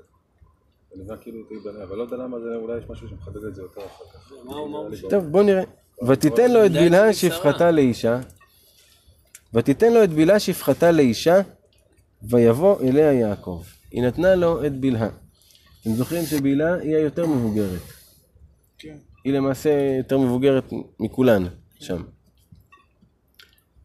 והיא אמרה לו, טוב, כאילו, תלך עם בלהה, תביא ילד, ויהיה לי לפחות אה, ילד ש- שאני מאמצת. והוא הבן שלך. ותער בלהה, ותלד ליעקב בן. בלהה הרתה ליעקב בן. ותאמר רחל, רחל נותנת לו את השם, כי הוא הילד שלה. ותאמר רחל, דנני אלוהים וגם שמע בקולי, ויתן לי בן. על כן קראה שמו דן. רש"י כותב, מה היא אמרה דנני אלוהים? שהוא חייב אותי, אבל גם זיכה אותי. הכוונה, הוא חייב אותי בתחושה הקשה הזאת שאין לי ילד משלי, אבל הוא זיכה אותי שהוא נתן לי משהו. אז כאילו הוא עשה איתי דין. כאילו את, ה, את המינימום של הדין, כאילו, הבנת למה זה נקרא דין? כי כאילו זה המינימום, את המינימום הוא כן עשה, הוא נתן לי ילד בצורה כזאתי, קיבלתי ילד וזה קרא לו דן. שוב, על שם התופעה ומה וה, מה שקרה שם אנרגטית כשהילד הזה הגיע.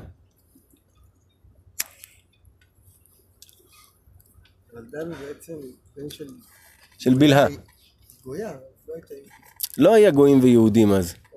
היא הייתה השפחה שלה, והיא הרכוש שלה, כמו שהיה אז עם הגר ושרה. ומה היא יולדת בשבילה.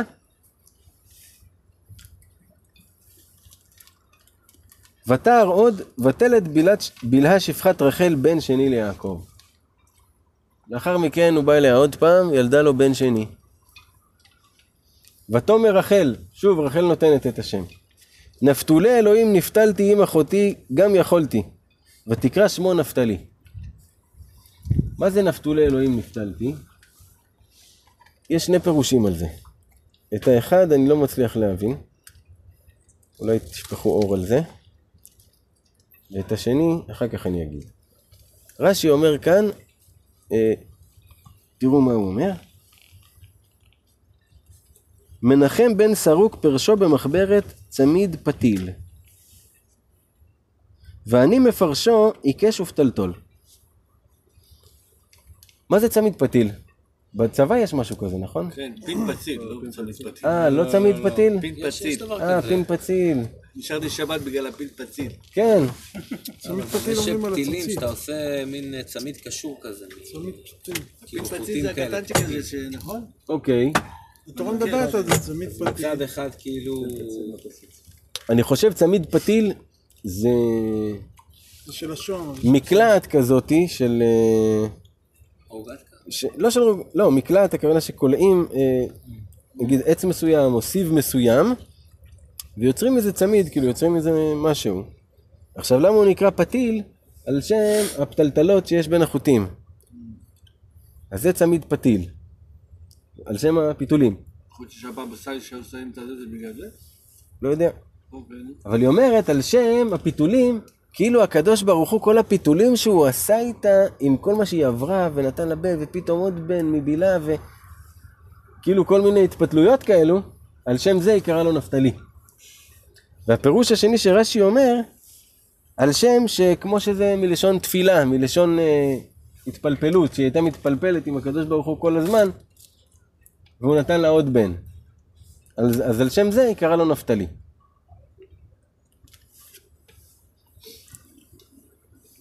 ותר אליה כי עמדה מלדת. לאה רואה שכבר היא לא פוריה יותר. ותיקח את זלפה שפחתה, ותיתן אותה ליעקב לאישה. לקחה את זלפה, נתנה ליעקב. אתם זוכרים? אתם. זוכרים שזלפה הייתה הכי צעירה. זלפה הייתה צעירונת. צעירונת. איך יודעים את זה? כי כתוב, ותלת זלפה שפחת לאה ליעקב בן. לא כתוב וטהר. רש"י אומר שמרוב שהיא הייתה קטנה, לא ראו עליה שהיא בהיריון בכלל, פתאום היא ילדה. היא הייתה צעירונת. גם מבחינה אנרגטית, אם תסתכלו על השבטים, מבחינה אנרגטית של כל אחד מאיפה הוא בא, אז uh, זה יכול להגיד משהו. הילד הזה, שזלפה יולדת, למי הוא שייך? ללאה. ללאה? ותאמר לאה, כי היא קובעת את השם, בא גד, ותקרא את שמו גד. מה זה גד? מזל. בא מזל, מזל טוב, רש"י אומר. גד זה מזל טוב. הרגישה ככה בילד הזה, שהגיע מזל טוב. כי מבחינתה זה כבר הילד החמישי. אז היא קראה את שמו, גד. ותלת זלפה שפחת לאה, בן שני ליעקב. עוד הפעם אותו סיפור. לא שמו לב, פתאום היא יולדת.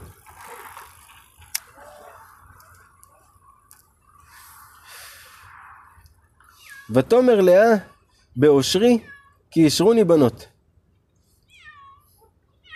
שוב, זה לאה נותנת את השם. באושרי, כי אישרוני בנות.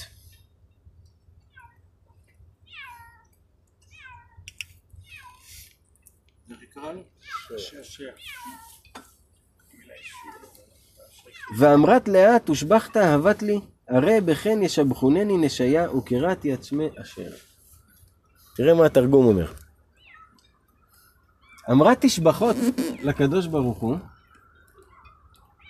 שעכשיו כל הנשים ישבחו אותי. על שם זה היא קראה לו אשר. כי כולם יאשרו אותה, יאשרו שהיא מוצלחת ויש לה שישה בנים וכולם יתחילו, כל הנשים יתחילו לקנא בה ולשבח אותה, אז היא קרא שמו אשר. אתה מבין? כל ילד הביא איתו איזה אנרגיה מסוימת. והשם שלו על שם האנרגיה הזו.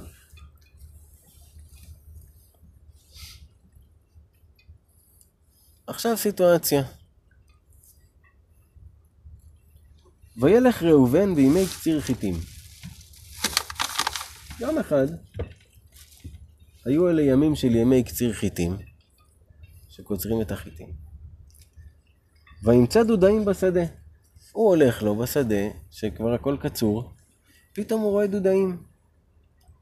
דודאים, יש לזה כמה פירושים מה זה. רש"י אומר זה יסמין. המפרשים, והיום הצמח דודאים זה צמח מאוד מאוד מיוחד. הוא נקרא יברוכין, אם אני לא טועה, בערבית תפ- תפוח אל מג'נון. כן.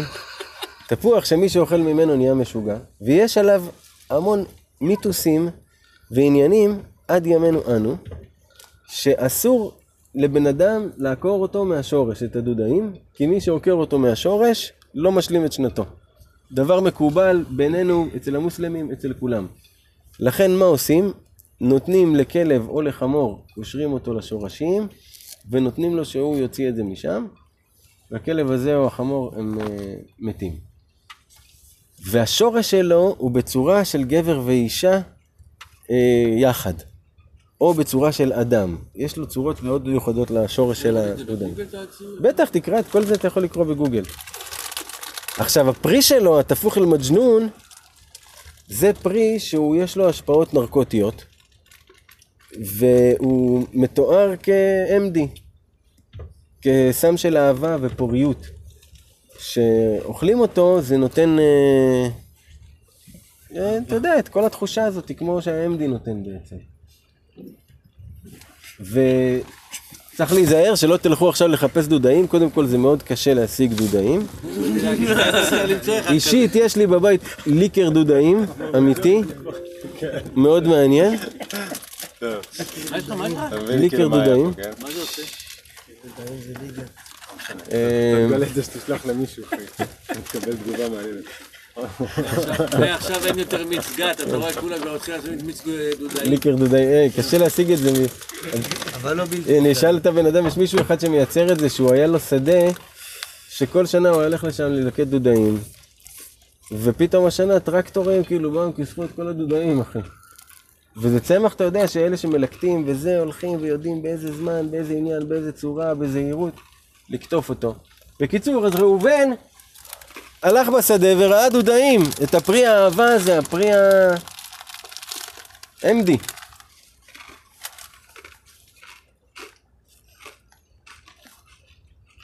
ויבא אותם אליה עמו. הביא אותם לאמא שלו, אמא תראי מה מצאתי לך, תראי איזה פינוק, איזה כיף הולך להיות לכם, תראי איזה סבבה, יש דודאים, הולך להיות פה חגיגה, את ואבא. ותאמר רחל אל לאה, עכשיו רחל באה ללאה, רחל שמעה שראובן מצא דודאים, והיא יודעת, זה הצמח של הפוריות. כאילו אם היא תאכל את זה, יש סיכוי שהיא תתעבר. אז היא באה אליה, אומרת, לה- אומרת לה, תני נא לי מדודאי בנך. תני לי מהדודאים של הבן שלך שהוא הביא, שאני אוכל אה, לעשות לילה עם יעקב. ותאמר לה, המעט קחתך את אישי ולקחת גם את דודאי בני? לא מספיק שלקחת את בעלי, שהוא אוהב אותך, וגם את רוצה את הדודאים עכשיו? וואלה בשרה. התחיל הבלאגן. ותאמר רחל, לכן ישכב עמך הלילה תחת דודי בנך. אני מוכנה שהלילה במקום שהוא יהיה איתי, שיעקב יהיה איתך בעבור הדודאים האלו. תראה מה זה, כי היה הרי לילות מסוימים שהוא היה צריך להיות עם רחל ולילות עם... אה. כן. והלילה הזה זה היה לילה של רחל, והיא אמרה לה, אני מוכנה לתת לך את הלילה הזה שהוא אמור להיות איתי, בתמורה לדודאים. כי היא ידעה שעם הדודאים היא תוכל אה, להרות.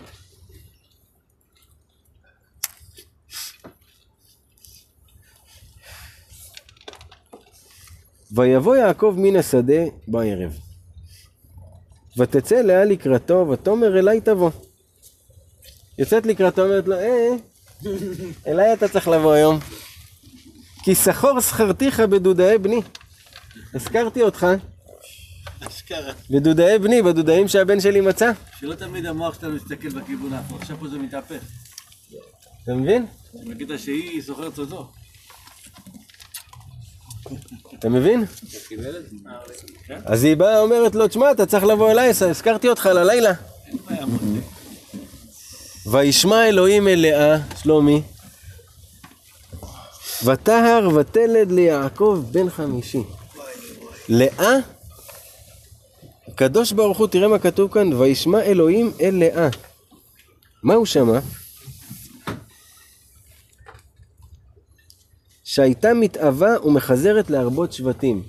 היה לה רצון אמיתי וכנה בלב שיהיה לה שבטים. אם בהתחלה היה לה את הרצון ש... שהוא ילווה אליה וזה, וזה היה רצון קצת יותר נמוך, פה כבר נהיה לה רצון אמיתי וכנה להביא עוד שבטים. אז, הש... אז השם ראה את זה. השם ראה את זה, ואפילו שהיא הייתה כבר בגיל הבלוט נקרא לזה, שהיא כבר לא יכולה להראות, הרתה שוב. היא הכירה את הסיפור של הרבה הרבה זרעך? בטח, הוא סיפר להם. היו מדברים. אתה מבין? אז היא רצתה להיות זאתי ש... כן, כאילו, הם ידעו לא- שהולך להיות 12 שבטים, הם ידעו הכל. סיפר להם הכל, אז היה להם התרגשות, היה להם רצון שזה יקרה דרכם. נדב, ותאמר לאה, נכון, היא אמרה, שכר- שכרתי, הזכרתי אותך. אז מה היא אומרת? ותאמר לאה, עכשיו היא ירתה מאותו לילה, שיעקב בא אליה, היא נכנסה להיריון. מאותו לילה. היא לקחה גם דודאים? לא, את הדודאים היא נתנה לרחל. היא הייתה בדודה בלי שום קשר. פה באה המילה דודה, כן. ותאמר לאה, נתן אלוהים שכרי, אשר נתתי שפחתי לאישי, ותקרא שמו יששכר. יששכר כתוב עם שני שינים, כאילו יש שכר. יש שכר לפעולתך. תראה איזה יופי מה היא אומרת כאן, איך היא קראה לו יששכר. נתן אלוהים שכרי, אשר נתתי שפחתי לאישי. הוא נתן לי שכר על זה שכשראיתי שאני כבר לא יכולה ללדת, פרגנתי, נתתי את השפחה שלי. באהבה אמיתית, באהבה מלאה, בידיעה שאני לא יכולה ללדת. ועל זה השם נתן לי את שכרי עוד בן. על הדבר הזה. אז היא קראה לו, יש שכר. שכשאתה עושה משהו בשביל השם, יש שכר. וכל אחת מה, שימו לב, כל אחד מהשבטים הוא, הוא מבטא איזושהי סוג של הסתכלות על החיים. גם יש שכר על נתינה. כאילו, מין משהו, יש שכר.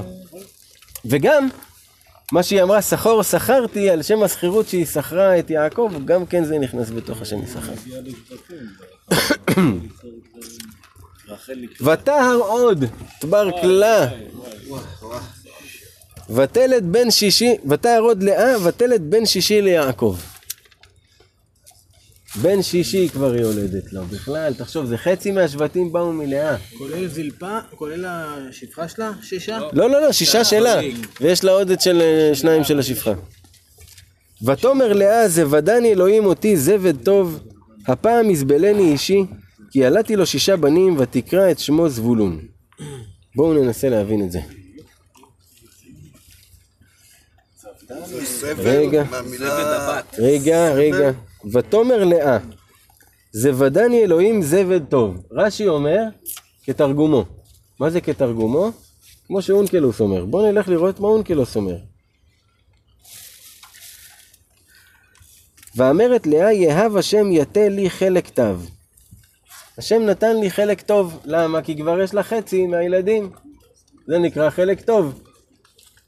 מתוך 12 יש לה 6 שכבר שלה. היא חשבה בהתחלה שזה יתחלק שלוש לכל אחת. פתאום היא קולטת לה יש שש.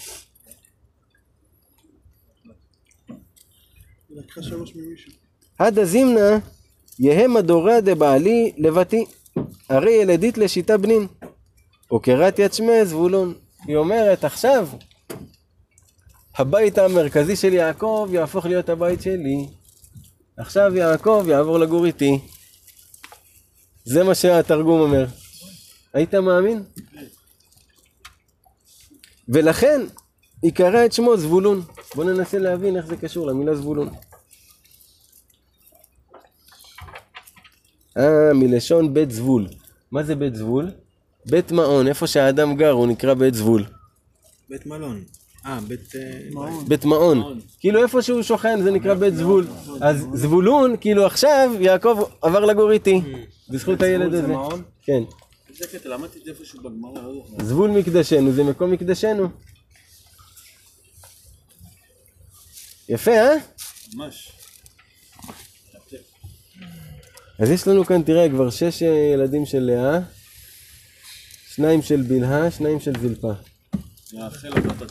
רחל עדיין לא. ואחר ילדה בת, ותקרא את שמה דינה. אחרי כל זה שילדה שש בנים, ילדה גם בת, זה הדין שלה. שקרא שמה דינה. דינה, בוא נראה. פירשו רבותינו שדנה לאה דין בעצמה, תראה איזה יופי.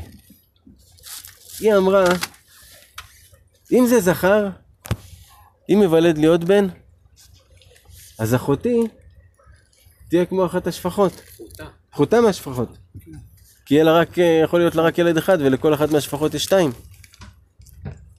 אז היא התפללה עליו והפך לנקבה. כדי שלא יהיה לה עוד בן זכר. הבנתי ימינה אבל שיש סיכוי לרחל. כן, אשכרה. היא האמינה ברחל. הם אחיות, הם אהבו אחת את השנייה. רחל אין בכלל עדיין. עדיין אין לה ילדים. לא אלה שניים, אלא אחד וחצי כאילו. לא, הבת לא נחשבת מהשבטים. לא הבת, זה רחל, כאילו יש לה... היא לא תזכה לגדל אותו, תמיד בלידתו, מתכוון. אה, כן. אוקיי. ויזכור אלוהים את רחל.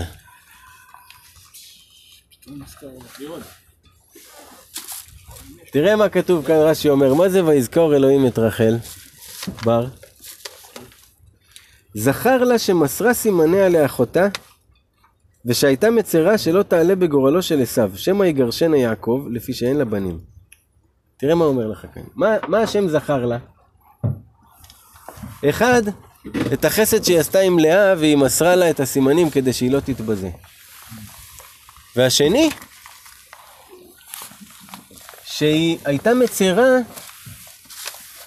שלא יקרה מצב שיעקב יגרש אותה והיא תצטרך להתחתן עם עשיו. כי עשיו גם היה מחכה שהם יתגרשו. עשיו ישב בצד וחיכה שהם יתגרשו כדי להתחתן איתה הוא.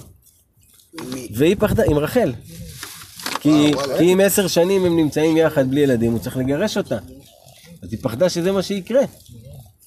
והיא הייתה מצרה כל הזמן, רק שלא יקרה מצב שאני אצטרך להתחתן עם עשיו. אז השם זכר לה את שני הדברים האלו. זכר לה חסד נעורים, מה שנקרא. איפה מובא הסיפור הזה מעשיו? אבל כי עשיו הלך, אה, כאילו התבאס על כל הקטע והלך אה, דווקא הפוך. זה עוד בפרשות הבאות, לא, אנחנו נעסוק בעשיו. לא, אבל כאילו פה זה לא כתוב לא, זה ברש"י.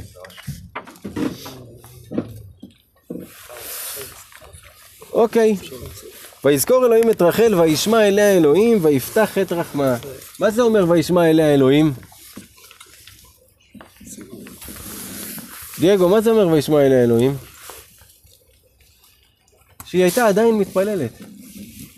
זאת אומרת, לאורך כל הדרך היא עדיין מתפללת, מתפללת, מתפללת, מתפללת. עכשיו הוא שמע. ותר ותלד בן. ותאמר אסף אלוהים את חרפתי. היא אומרת עכשיו נולד לי בן, אסף אלוהים את חרפתי, החרפה הזאת שיגידו שהייתי עקרה, אין את זה, הוא אסף אותה, אין את זה יותר. אסף אותה אליו הקדוש ברוך הוא. זהו, רואים שאני ילדתי. ועוד רש"י אומר גם כן, מה זה אסף אלוהים את חרפתי? תראה איזה יופי. שכל זמן שלאישה אין ילד, תולים את הסירחון בה. ברגע שיש ילד, תולים את הסירחון בבנה. מה זאת אומרת?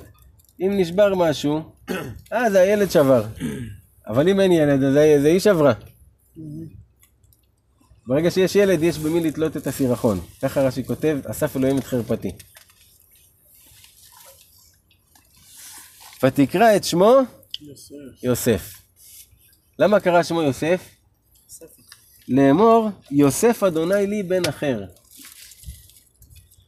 תודה שקיבלתי, אני רוצה עוד. כן, הילד הזה הולך להביא את הילד הבא, יוסף.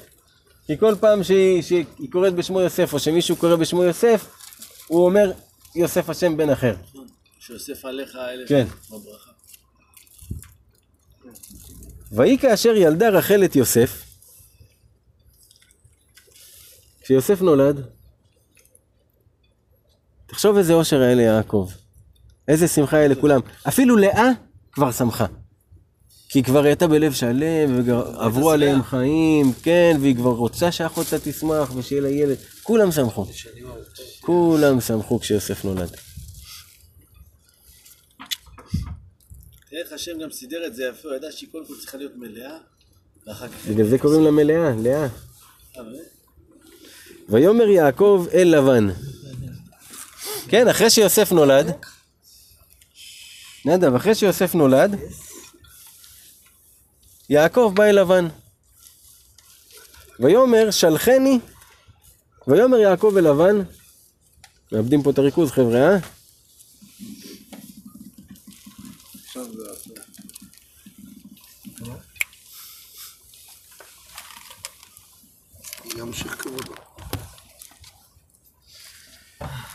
אוקיי, אחרי שנולד יוסף, יעקב בא ללבן.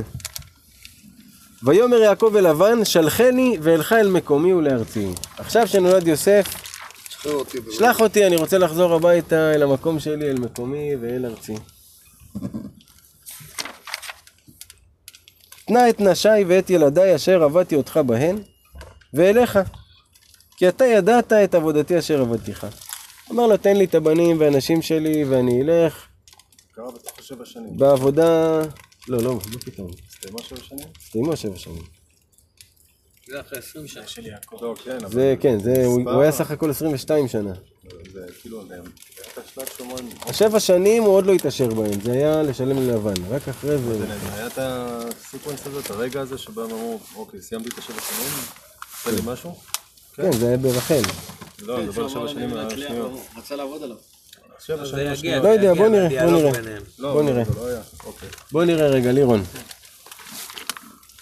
אז הוא אומר לו, תן לי את הנשים שלי והילדים שלי, שעבדתי עבדתי בשבילם. ללבן. למה? כי הוא כאילו נמצא אצל לבן, הוא לא יכול ככה ללכת. אז הוא אומר, כל תשמע, תן לי את הנשים. תן לי את כל הדברים שלי ואני אלך. אתה ידעת את. העבודה שעבדתי אותך. ואת- כל זה קרה בשבע שנים? כל הילדים? לא, לא, לא, לא, לא, לא, לא, סך הכל 22 שנה כל הסיפור. זה מה שגל שאל. ויאמר אליו לבן. הבנתם מה יעקב אמר ללבן? תן לי את הדברים שלי, בעבור העבודה שעבדתי אותך, רוצה ללכת. לבן מה אומר לו? אם נא מצאתי חן בעיניך, ניחשתי. ויברכני אדוני בגללך.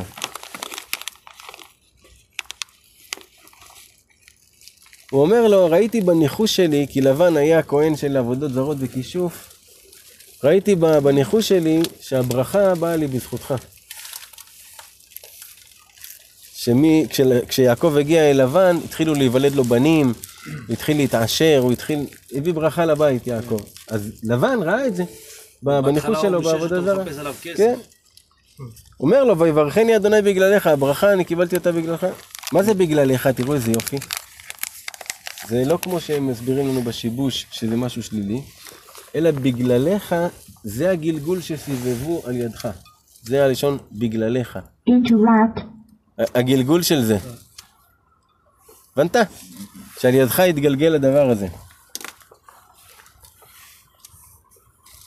ויאמר נוקבה שכרך עליי ואתנה. עכשיו אנחנו מתחילים בשבילך. לבן אומר לו, תגיד מה השכר שאתה רוצה ואני נותן לך. איזה גבר. בשביל שלא ילך. לא יודע בשביל מה הוא עשה את זה. הוא יכול לבוא. היה לו קטע כזה, כאילו כן. תגיד כן, מה שאתה רוצה, יאללה, מה שאתה רוצה, בדיוק.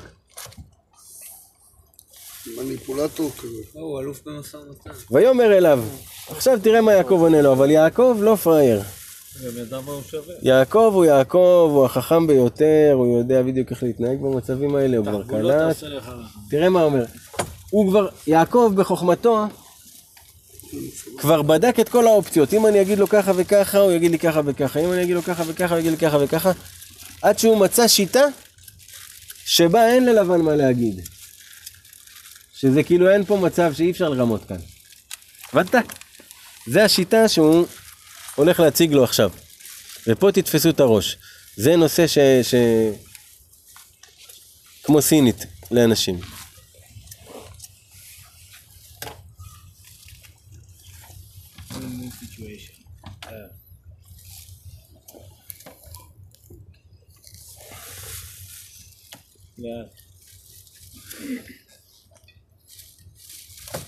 ויאמר אליו, אתה ידעת את אשר עבדתיך ואת אשר היה מקנך איתי. יעקב בא ללבן, אומר לו, אתה יודע כבר את הברכה שבאה לך בזכותי, נכון? לפני רגע אמרת, אתה כבר יודע את זה. מה שעבדתי בשבילך והמקנה וכל מה שיש לך כבר. כי מעט אשר היה לך לפניי ויפרוץ לרוב. אומר לו, היה לך קצת לפני שהגעתי וזה פרץ לרוב ממש. ויברך אדוני אותך לרגליי. השם בירך אותך לרגליי, כי הברכה היא באה ממני, אז אתה מהרגליים שלי מקבל את הברכה, מזה שאני עומד כאן. מעמיד אותו במקום. כן, בדיוק, מעמיד אותו במקום. אתה יודע את זה, שנינו יודעים את זה, בגלל זה באת עכשיו. ואתה, מתי אעשה גם אנוכי לביתי? הוא אומר לו, ועכשיו, כאילו, מתי אני כבר אעשה משהו שהוא שלי? תמיד עבדתי בשבילך. כל מה שעבדתי היה בשבילך, עכשיו אני צריך לעשות משהו בשביל עצמי, נכון? שאני לא אצא בידיים ריקות. ויאמר, מה אתן לך? אומר לו, טוב, מה אני אתן לך? תראה עכשיו יעקב איזה חכם. ויאמר יעקב, לא תיתן לי מאומה. אני לא צריך שתיתן לי כלום. אנחנו נייצר יש מאין, שהיש מאין הזה יהיה שלי. אתה לא תפסיד מזה שום דבר. זה מה שהוא אומר לו. לא נותן לו לחשוב אפילו. מכניס לו ישר את המחשבה. כאילו, אין לך מה לדאוג, אתה לא נותן לי כלום, אתה לא מפסיד מזה שום דבר. הרי מה קורה אינטואיטיבית ללבן? הוא היה מתחיל לחשוב, טוב, ואני בראש שלו, איך אני אעשה ככה, אני אעשה ככה, הוא לא נותן לו בכלל זמן לחשוב. תהיה בטוח שהוא חושב את זה. תהיה בטוח שהוא כן חושב את זה. אבל- ויאמר לא תיתן לי מאומה. אם תעשה לי הדבר הזה, אשובה אראה צונך אשמור.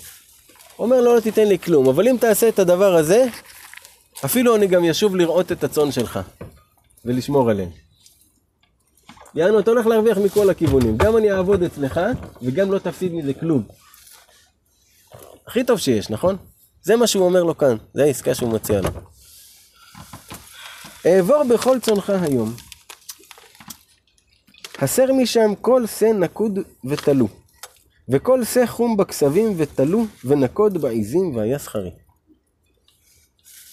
הוא אומר לו, תקשיב, נעבור בכל הצאן שלך, בכל הצאן ש, שפה שאני שומר עליו, שאני רואה אותו, בכל העדרים. הסר משם, תוציא משם כל שא, שזה כבש, נקוד ותלו. או שיש לו נקודות, או שיש עליו טלאים. כתמים. תוציא משם את כל אלו שיש עליהם נקודות או כתמים, או שהוא חום בכסבים, או שיש בו איזה צבע חום, איפשהו. תוציא את כל אלה. שיישארו רק הלבנים. ובעיזים, את כל הנקות והתלו תוציא. שלא יהיה כזה עם נקודות ועם טלאים. והיה שכרי. ועכשיו תשמע מאיפה השכר שהולך להיות. הבנתם? תוציא את כל אלה שיש בהם נקודות או כתמים או צבע חום, תוציא מהעדר, נשארו רק הלבנים. סבבה עד כה? וענתה בי צדקתי ביום מחר, כי תבוא על שכרי לפניך. הוא אומר לו, אם תחשוד שאני לוקח משהו משלך, אתה תבוא ותראה שאין מצב שלקחתי משלך. כי יהיו לי רק נקודים ותלויים וזה. אז אין מצב ש, שזה משלך, כי אתה הוצאת את כולם. אז הוא אומר לו, וענתה בי צדקתי ביום אחר, כי תבוא על שכרי לפניך.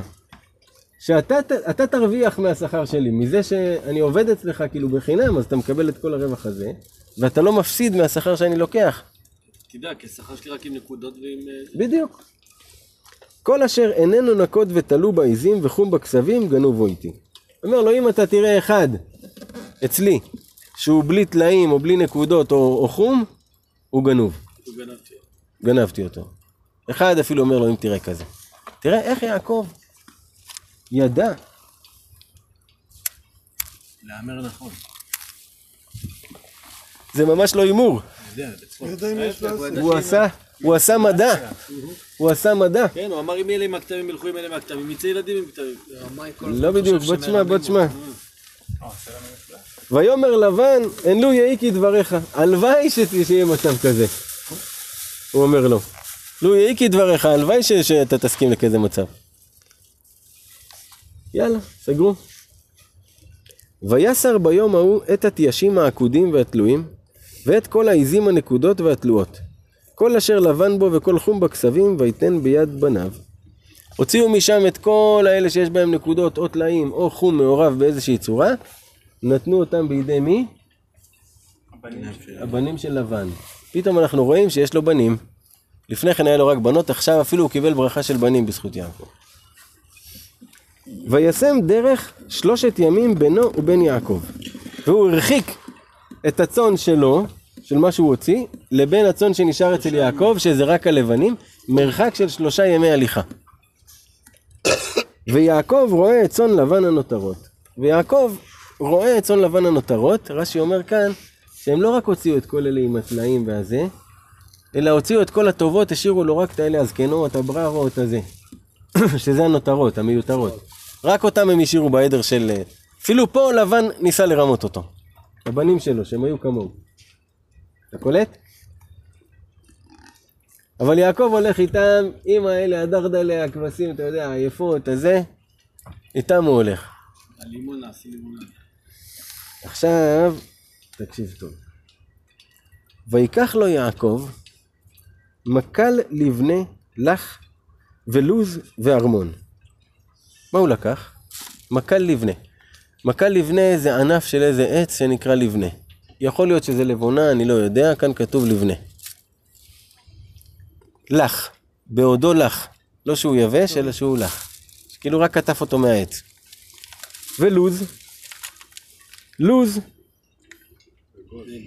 זה מקל של לוח לוז, שמהעץ של הלוז, הוא לקח אותו.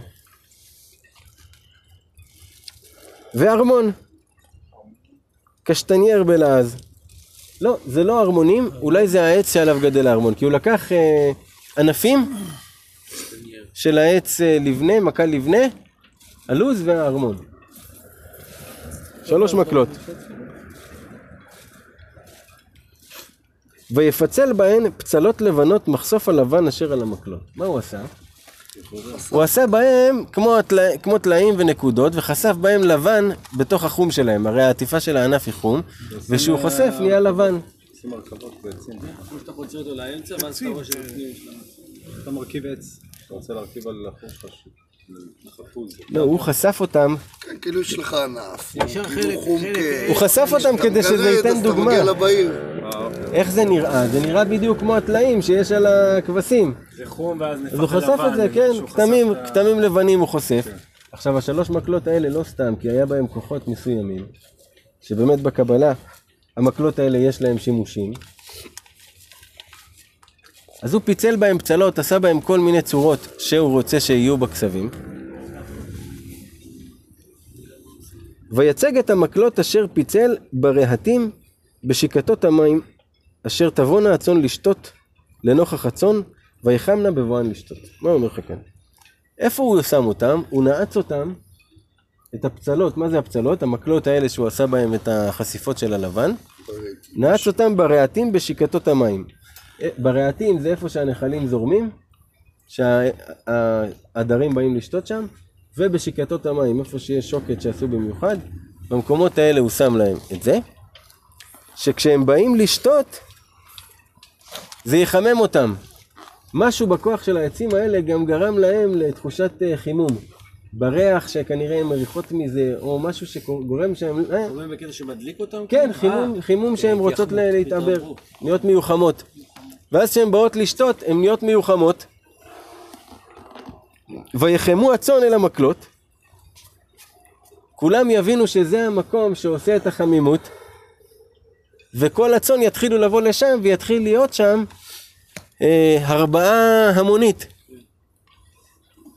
ולא רק שתהיה הרבעה המונית, הם גם רואים את הכתמים, וכולם זה מה שנצרב להם בתודעה. הכתמים האלה, שככה הולך להיוולד ה- הילד.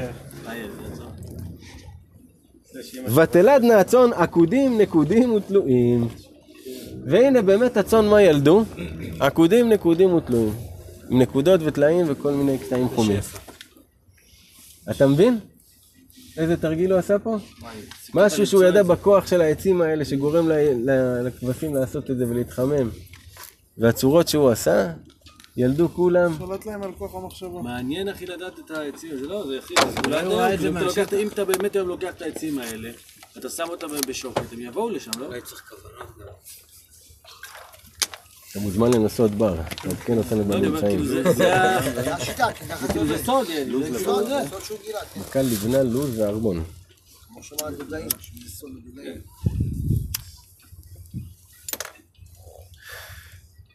והכסבים הפריד יעקב. אלה שנולדו, עכשיו עקודים נקודים, התולדות החדשות, הפריד עוצמה אותם ועשה אותם עדר לבד. זה הסיטואציה. מה זה הכספים? זה אלה, התולדות שנולדו מהחדשים, שהם כבר עם טלאים וזה, עשה מהם עדר לבד, לא עם הלבנות של פעם. אה, אוקיי, אוקיי. והוליך את העדר העקוד, ואלה שהיו עם הנקודות, הוא שם אותם שהם ילכו בראש העדרים. וכל כל ה, ה, הלבנות מאחוריהם ומסתכלות עליהם כל הזמן. עשה להם שטיפת מוח, עשה להם משהו, יענו. אבל זה לא מסתדר לי עם הקטע של הלבנות, כאילו, הרי הוא אמר ל- ללבן. שלא יהיה לי אפילו... לבן השאיר רק את הלבנות. עדיין לא הלך אבל. הוא אמר לו, הנקודים מחילה, יהיו שלך. לבן השאיר רק את הלבנות, לקח את כל אלה עם הכתמים. ויעקב עכשיו, מהלבנות האלה מייצר כבשים חדשות עם כתמים. והוא הפריד את העדר עם הכתמים, שם אותם הוא קדימה. אמר לו מלכתחילה, כאילו, אצלי זה הלבנים יש גם קטנים. אבל השאיר אותו לבן, בדיוק. הוא. בדיוק, זה לא משלך. הבנת? יופי. ויתן פני הצאן אל עקוד וכל חום בצ- בצאן לבן וישת לו עדרים לבדו ולא שתם על צאן לבן. והוא, מה הוא עשה? עשה לו עדרים לבדו ולא ערבב אותם עם הצאן של לבן. הצאן של לבן הוא השאיר אותם לבנות, הצאן הבסיסיות, נגיד המאה כבשים שהיו כאן הבסיסיות, הוא משאיר אותם הם של לבן. לא גורע מהם כלום. כן, הכל הוא... והיה בכל יחם הצאן המקושרות, ושם יעקב את המקלות לעיני הצאן ברהטים ליחמנה במקלות. כל פעם בתקופת הייחום הוא התחיל לעשות את העניין הזה עם, ה... עם המקלות.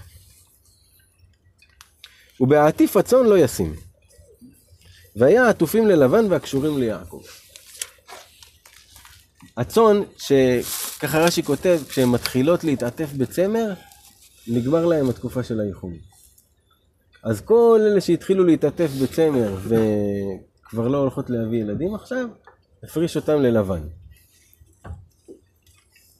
והקשורים ליעקב, כל אלה שהיו אה, קשורים אליו, ליעקב. ויפרוץ האיש מאוד מאוד. התחיל לפרוץ, אתה יודע, נהיה לו הון ורכוש רב מאוד מאוד. ויהי לו צאן רבות ושפחות ועבדים וגמלים וחמורים. התחיל להיות אימפריה. נדב, יעקב אבינו, התחיל להיות אימפריה בבית לבן. נהיה לו צאן רב, עבדים, שפחות, עניינים. עצמאי? עצמאי, עצמאי. וישמע את דברי בני לבן לאמור. לקח יעקב את כל אשר לאבינו, ומאשר לאבינו עשה את כל הכבוד הזה. הבנים של לבן התחילו לדבר, תראה מה זה יעקב הזה. לקח לאבא שלנו, תראה מה זה. מיטב הצאן לו. כן. כאילו משל אבא שלנו הוא לקח ועשה את זה, התעשר על חשבון אבא שלנו. ויעקב שמע את זה, שמע שזה הדיבור שהתחיל להיות. וירא יעקב את פני לבן, והנה איננו עמו כתמול שלשום. פתאום הוא רואה שגם לבן מסתכל עליו אחרת. גם לבן מתחיל להגיד, כאילו, בואנה, מה קורה פה? מה, לקחת לי, שתית לי, חשבוני. ויאמר אדוני אל יעקב, שוב אל ארץ אבותיך ולמולדתך ואהיה עמך. השם מתגלה אל יעקב ואומר לו. שוב הביתה. ואהיה עמך. אני אהיה איתך. אה, שיש עוד את הקטע עם עשיו. ש- וישלח יעקב ויקרא לרחל וללאה השדה אל צונו. קרא לרחל וללאה שיבואו לשדה איפשהו עם הצאן. ישיבה. עכשיו, תראה מה רש"י אומר. לרחל קרא תחילה, ואחר כך ללאה. קודם הוא קרא לרחל, ואחר כך ללאה. שהיא הייתה עקרת הבית, שבשבילה נזדווג יעקב עם לבן. כי כל הסיפור הזה התחיל בשבילה בכלל, כל מה שקורה כאן זה בשבילה, אז תגידו תודה בכלל כולכם, אבל זה בשבילה. כן? ואף בניה של עדה מודים בדבר. אפילו הבנים של לאה מודים שזה בזכות רחל הכל.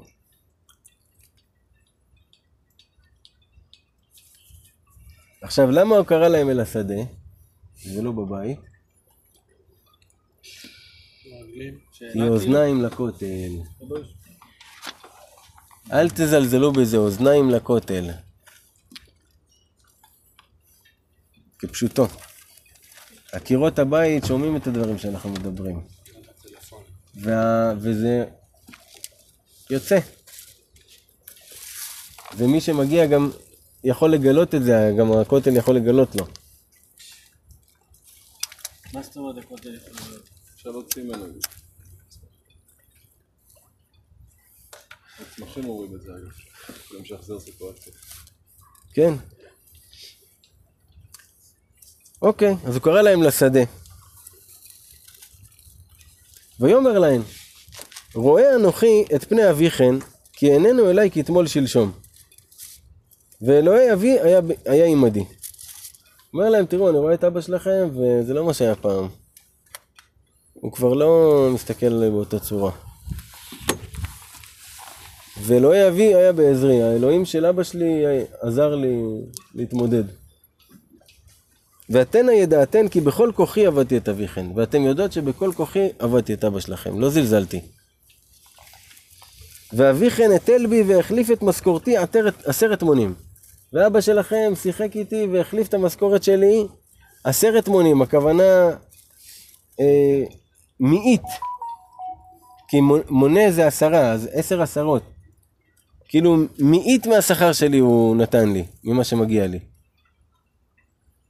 ולא נתנו אלוהים להרע עמדי. אבל עדיין אלוהים לא נתן לו לעשות איתי רע ולהשבית אותי, אני, כי אני חזק.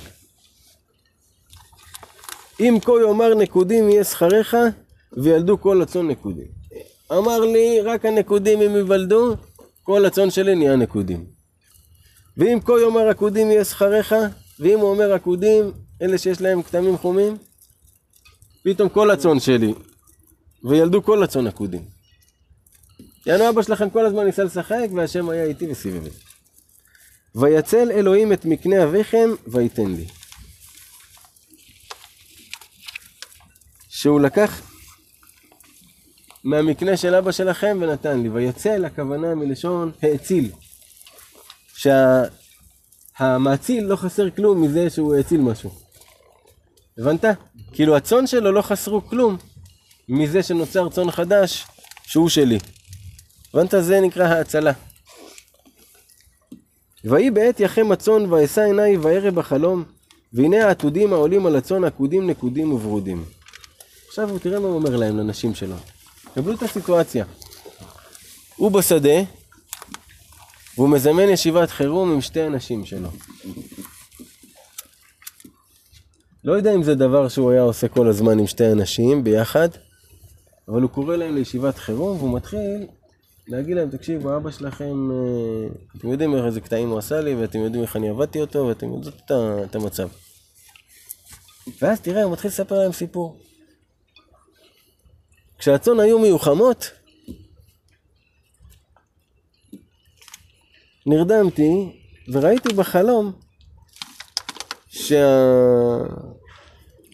כל, כל האלה שהעתודים, כל האלה שעתידים להיוולד מכל הצאן, יהיו נקודים וברודים. ככה אומר להם, חלמתי חלום, שכל הצאצאים הולכים להיות נקודים וברודים. ויאמר אליי מלאך האלוהים בחלום. ומלאך האלוהים אמר לי בחלום, יעקב. ויאמר הנני. ויאמר שנה עיניך וראה כל העתודים העולים על הצאן, עקודים נקודים וברודים. כי ראיתי את כל אשר לבן עושה לך.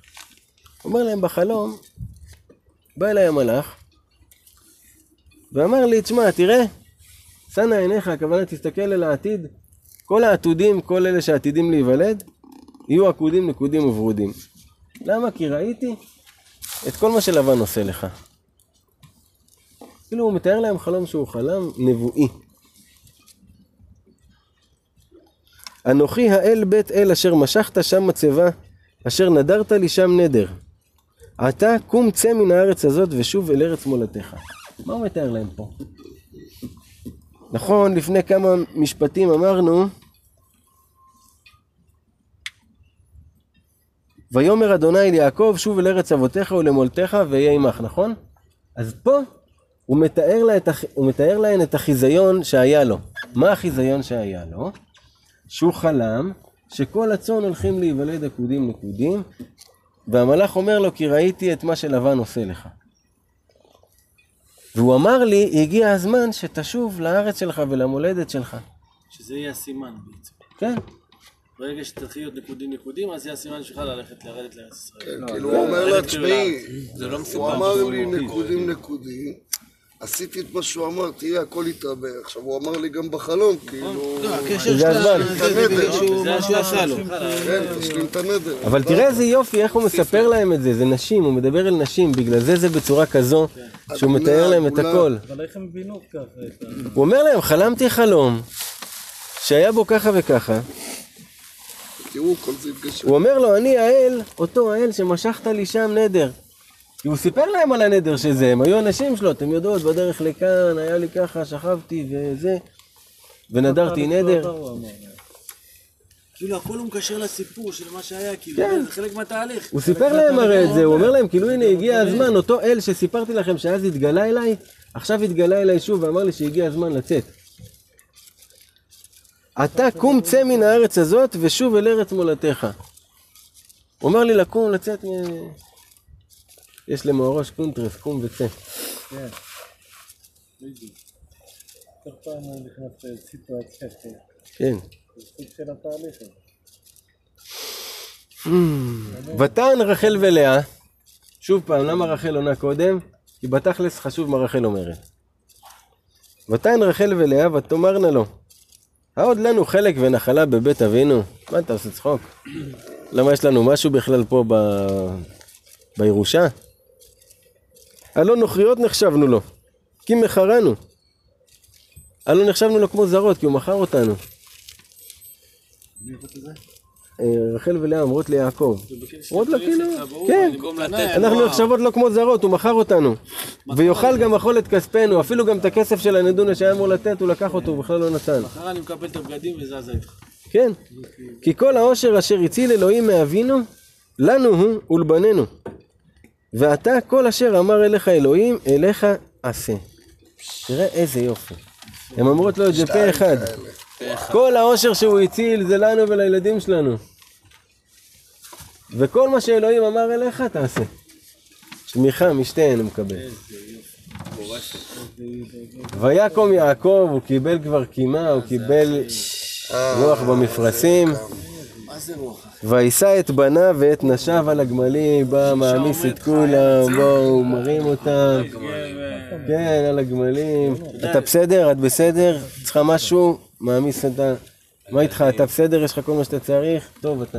זה באמת גם במהלכים בחיים, שפתאום האישה נותנת לך איזה רוח גבית ואומרת לך, צא אני איתך, שתיים, פתאום כאילו מרגיש. באמת הפול שתיים. כן. עכשיו פה רגע אחד, נחזור שנייה אחורה, שלומי ונדב, ברשותכם.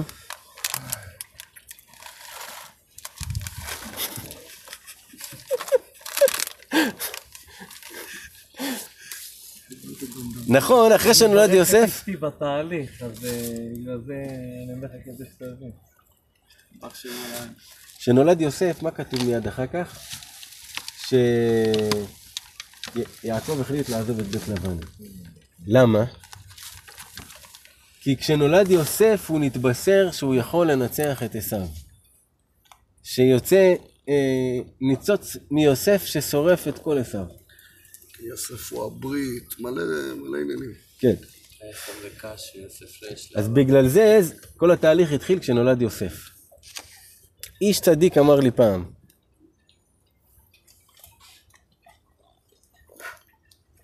יעקב היה לו עשרה ילדים, ברקלה, 11 עם דינה.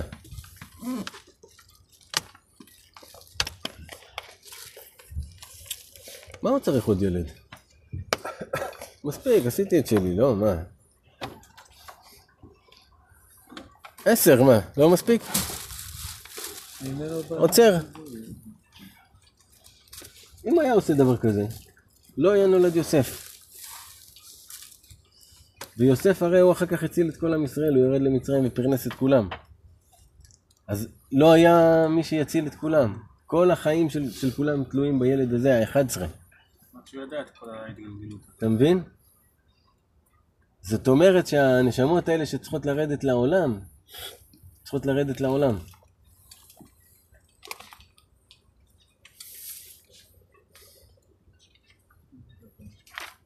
באיזשהו מה של רבנו נראה לי, רבנו אני חושב שהוא אומר איזשהו משהו, הוא אומר כאילו שאתה הולך להגיע למשהו גדול, תחכה עוד קצת, עוד קצת, ואתה תשיג את זה.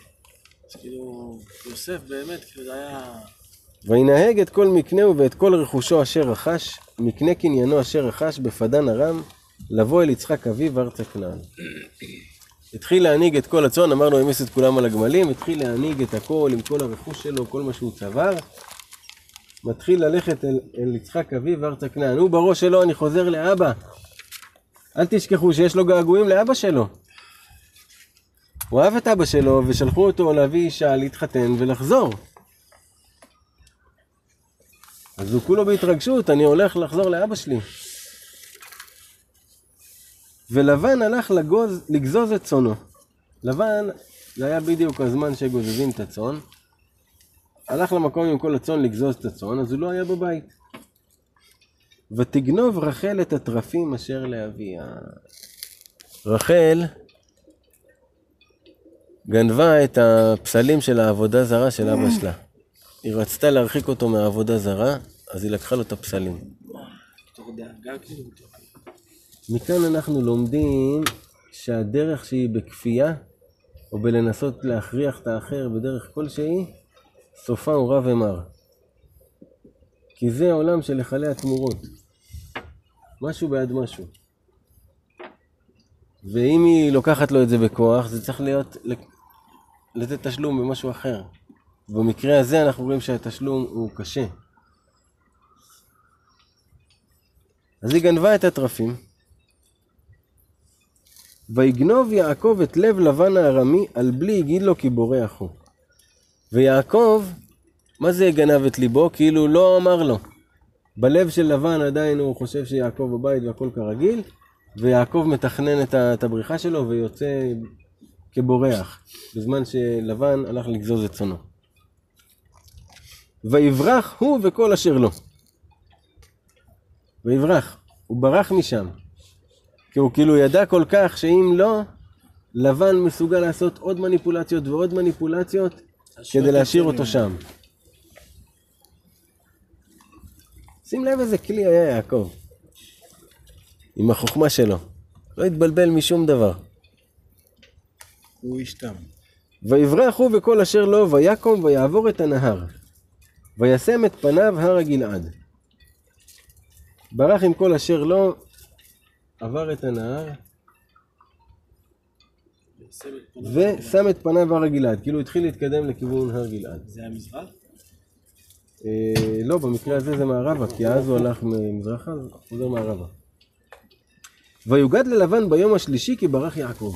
אחרי שלוש ימים, מישהו יצא אליו, לבן היה במרחק שלוש ימים, נגיד לכיוון אחר, יצא אליו מישהו ברגע שיעקב ברח, מישהו התחיל לדהור אליו שלושה ימים כדי הכבשים להגיד שלו- לו, כי הכבשים שלו היו שלושה ימים. ואז לבן, כששמע את זה, התחיל לבוא אל כיוון יעקב שלוש ימים. זה אומר שכמה ימים עברו? שישה ימים.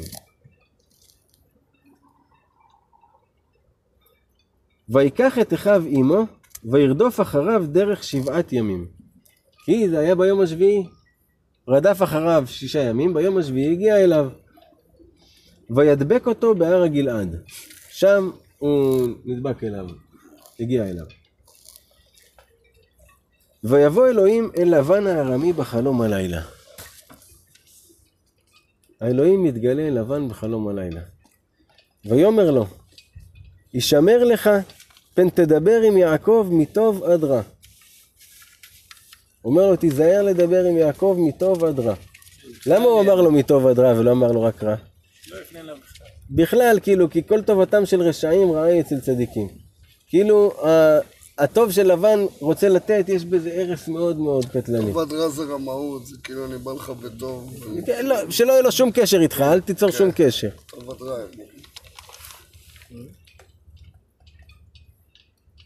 כי הטוב מרשע הוא גם רע. אז ככה בחלום הלילה אלוהים מתגלה לבן ואומר לו, וישג לבן את יעקב. ויעקב תקע את העולו בהר, ולבן תקע את אחיו בהר הגלעד. לבן הגיע אל הנקודה של יעקב, ויעקב, המחנה שלו, היה בהר, שזה כנראה לא הר גלעד, אלא הר סמוך אליו? ולבן תקע את אחיו בהר הגלעד. מי זה אחיו? זה הבנים שלו וכל החבורה שלו, שבאו איתו כאילו ל- לעזור לו. הוא שם אותם בהר הגלעד. ויאמר לבן ליעקב, מה עשית? ותגנוב את לבבי ותנהג את בנותיי כשבויות חרב. מה עשית ולקחת את הבנות שלי כאילו אתה עכשיו אה, שבית אותם? זה אחרי שהשם אמר לו לא לדבר? כן. למה נחבאת לברוח ותגנוב אותי? למה התחבאת בשביל לברוח וגנבת אותי? ולא הגעת לי, ואשלחך בשמחה, בשירים, בטוף ובכינור. למה לא אמרת לי? הייתי שולח אותך בשירים, וזה, זה בא-. באהבה מה שהוא אמר. זה. הטוב. כן, זה הטוב. ולא נטשתני לנשק לבניי ולבנותיי, לא נתת לי אפילו לנשק אותם, להגיד להם להתראות. עושה לו מצפון. זה המניפולציה. אתה השכלת עשו. טיפשי מצידך היה לעשות את זה. יש לאל ידי לעשות עמכם רע. אני יכול לעשות לכם רע. אתה יודע את זה? תראה מה הוא אומר לו, עמכם, כאילו, הוא לא אמר לו איתך. עם כל המשפחה שלך, עם הבנות שלי ועם הנכדים, אני יכול לעשות לכם רע. לא אכפת לו מ... כן. ואלוהי אביכם אמש אמר אליי לאמור, ישמר לך, מדבר עם יעקב מטוב עד רע. אבל האלוהים של אבא שלכם בא אליי אתמול. הוא בא מגאווה, כאילו, האלוהים של אבא שלכם בא אליי. בגלל זה אני... כן. כאילו, אנחנו, יש לנו זה, אז הוא בא אליי, אמר לי, אל תדבר איתו נראה ישר יותר, כאילו. מצד אחד כן, הוא מכניס אמת, מצד אחד. הוא מכניס אמת, שהאמת שבאמת הוא דיבר איתו, מצד שני הוא אמר לו גם לא... זה דרכם של הרמאים, להשתמש באמת, לעקם, לסובב. הוא אומר לו, ואתה הלוך הלכת כי נחשוף נחשפת לבית אביך. למה גנבת את אלוהי? הוא אומר לו, אתה יודע מה, סבבה, הלכת כי רצית לחזור לאבא שלך. אבל למה גנבת את האלוהים שלי? אתם זוכרים, רחל גנבה את הפסלים. ויען יעקב ויאמר ללבן, עונה לו על ראשון ראשון ועל אחרון אחרון. כי יראתי כי אמרתי פן תגזול את בנותיך מאמי. למה ברחתי? כי פחדתי שתגיד לי לא, אתה יכול לצאת בלי הבנות והרכוש. אם אשר תמצא את אלוהיך לא יחיה. נגד אחינו. אומר לו, אם מי שתמצא את האלוהים שלך לא יחיה. הכר לך מים עדי וקח לך. בוא, תראה אם יש משהו שלך, תיקח אותו. ולא ידע יעקב כי רחל גנבתם. והוא לא ידע שרחל לקחה אותם. והוא אמר, מי שיהיה, מי שיהיה אצלו משהו שלך ימות. ובגלל העניין הזה רחל מתה. שם? וכמו שאמרנו, לא שם היא מתה, אבל היא מתה תכף בלידה. ומשם למדנו שהדרך הזאת של הכפייה בכוח היא לא הדרך. כמו שרצו, יש המון סיפורים על צדיקים שרצו להביא את המשיח ועשו פעולות יחד בזה, וניזוקו. צדיק אחד שנפל מהחלון, צדיק אחד שהתעוור, שכאילו אי אפשר בכוח. ויבוא לבן באוהל יעקב ובאוהל לאה ובאוהל שתי האמהות ולא מצא. התחיל לחפש בכל האוהלים. כאילו, תראה גם איזה בן אדם, הוא לא אמר לו, טוב, סבבה, וזה, מאמין לך. הלך, באמת, חיפש בכל האוהלים. ויצא מאוהל לאה ויבוא באוהל רחל. יצא עוד הפעם, יצא מהאוהל של לאה, נכנס לאוהל של רחל. ורחל לקחה את התרפים ותשימם בכר הגמל ותשב עליהם. היא לקחה את הפסלים, שמה אותה איתם אצלה ב... אצל הגמל. וישבה עליהם. וימשש לבן את כל האוהל ולא מצא. בדיקה יסודית עשה באוהל של רחל ולא מצא. ותאמר אל אביה, אל איחר בעיני אדוני כי לא אוכל לקום מפניך כי דרך נשים לי. אומרת לו, סליחה אבא שאני לא יכולה לרדת מהגמל, כן? ויחפש ולא מצא את התרפים. עכשיו תבינו שבשביל לבן, התרפים האלה, בלעדיהם הוא לא יכול לעשות כלום. זה האלוהים שלו. זה לא שאם הם לא קיימים עכשיו הוא יכול עדיין לעשות אותו דבר. אם הם לא כאן אז אין את הכוחות האלה כביכול. אז הוא היה באטרף, למצוא את האטרף, טרפים. אולי מזה זה נקרא אטרף. מעניין. טירוף כאילו זה בדיוק הדרך של לבן חיפש את זה.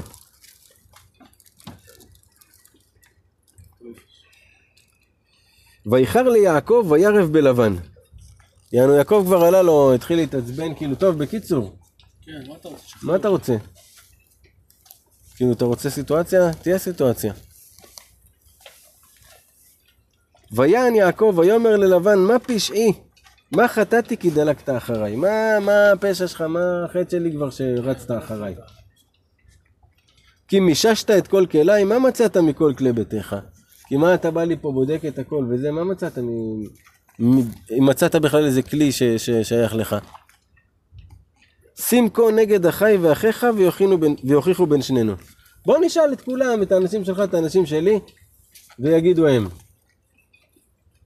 זה עשרים שנה אנוכי עמך, עשרים שנה אני איתך, רחליך ועיזיך לא שיקלו. אף פעם לא הייתה אה, רחל או עז ששיקלה את ילדיה. ואילי צונך לא אכלתי. אילים זה היה הבשר המשובח יותר של ה... איך שהוא נולד. הוא אומר לו, את אלה לא אכלתי. לא כאילו התפנקתי על חשבונך. טרפה לא הבאתי אליך. אם הייתה איזה עז שטרף אותה זאב, לא אמרתי זה על חשבונך. לקחתי זה על חשבוני. כן. אנוכי אחתנה מיד, מידי תבקשנה. כאילו אם עז אחת או משהו אכל אותה מישהו, אני, אני משלם את זה. מהכיס שלי. גנובתי יום וגנובתי לילה. אפילו אם חיה נגנבה ביום, או אם היא נגנבה בלילה, אני משלם. הייתי ביום, אכלני חורב. בימים של השרב ושל החום הגדול, הייתי עם הצאן. וקרח בלילה, בלילות קפואים. ותדד שנתי מעיניי, וואלה, שינה נדדה מעיניי בשביל הצאן שלך, בשביל בקרח, בשרב. זה לי עשרים שנה בביתך, עבדתיך. אומר לו, עשרים שנה עבדתי אותך. ארבע עשרה שנה בשתי בנותיך, ושש שנים בצונך. ארבע עשרה שנה עבדתי בשביל שתי הבנות, ושש שנים בשביל הצאן. תחשוב רגע אחד, עכשיו עולה לי, יונתן, שיעקב, כל ה-14 שנה, הוא היה עני.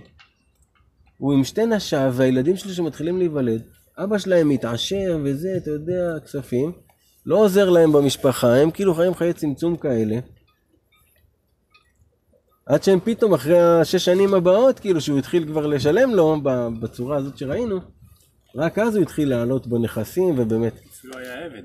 כן, הם גם היו איתו, אנשים שלו היו איתו, תמכו בו לאורך כל הדרך, עד שבסוף זה השתלם וזה, וזה הגיע.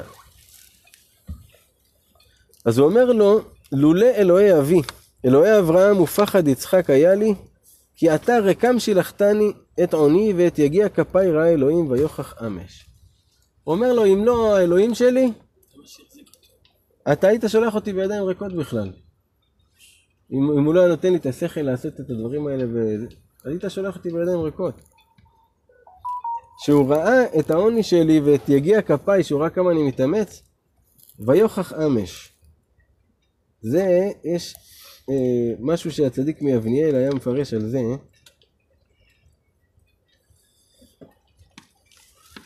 ויוכח אמש, מה זה אמש? זה כאילו אתמול בלילה. אז הוא אומר את ה... האמש, איך שאתמול בלילה שלך נראה, ככה ייראה הבוקר שלך.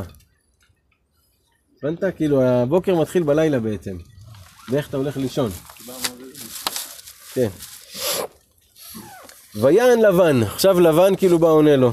הרי אמרנו יעקב בא כאילו וייחר לו, הוא בא לריב איתו. ויען לבן, ויאמר אל יעקב, הבנות בנותיי והבנים בניי, והצאן צאני, וכל אשר אתה רואה לי הוא. כאילו לבן גם עונה לו בעזות, הלו, הלו, כל מה שאתה רואה פה, הצאן, הבנים, הבנות, זה שלי, זה שלי. ולבנותיי, מה אעשה לאלה היום או לבניהן אשר ילדו?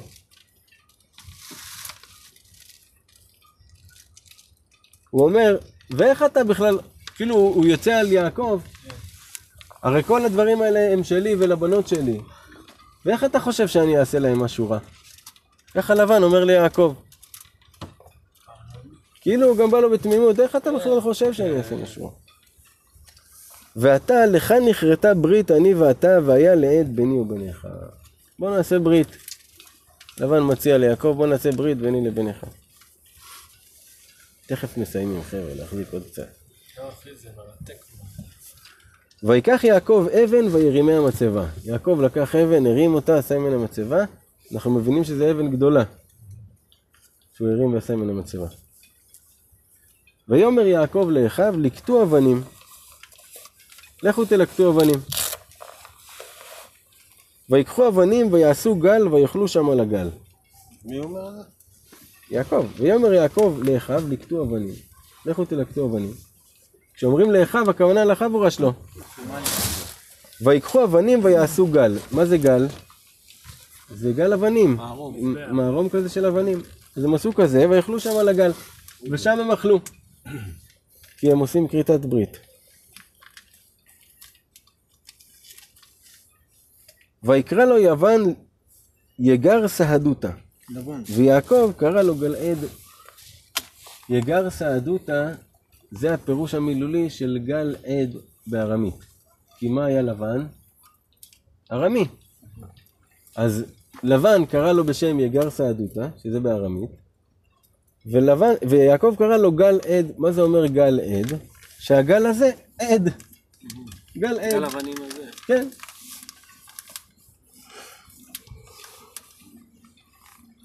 ויאמר לבן, הגל הזה עד ביני וביניך היום. על כן קרא שמו גלעד. ואז לבן אמר לו, הגל הזה עד ביני וביניך, וגם קרא לו גלעד, גם בעברית, בלשון הקודש. שאגב, ההר הזה היה נקרא הר הגלעד עוד לפני שהם הגיעו לשם.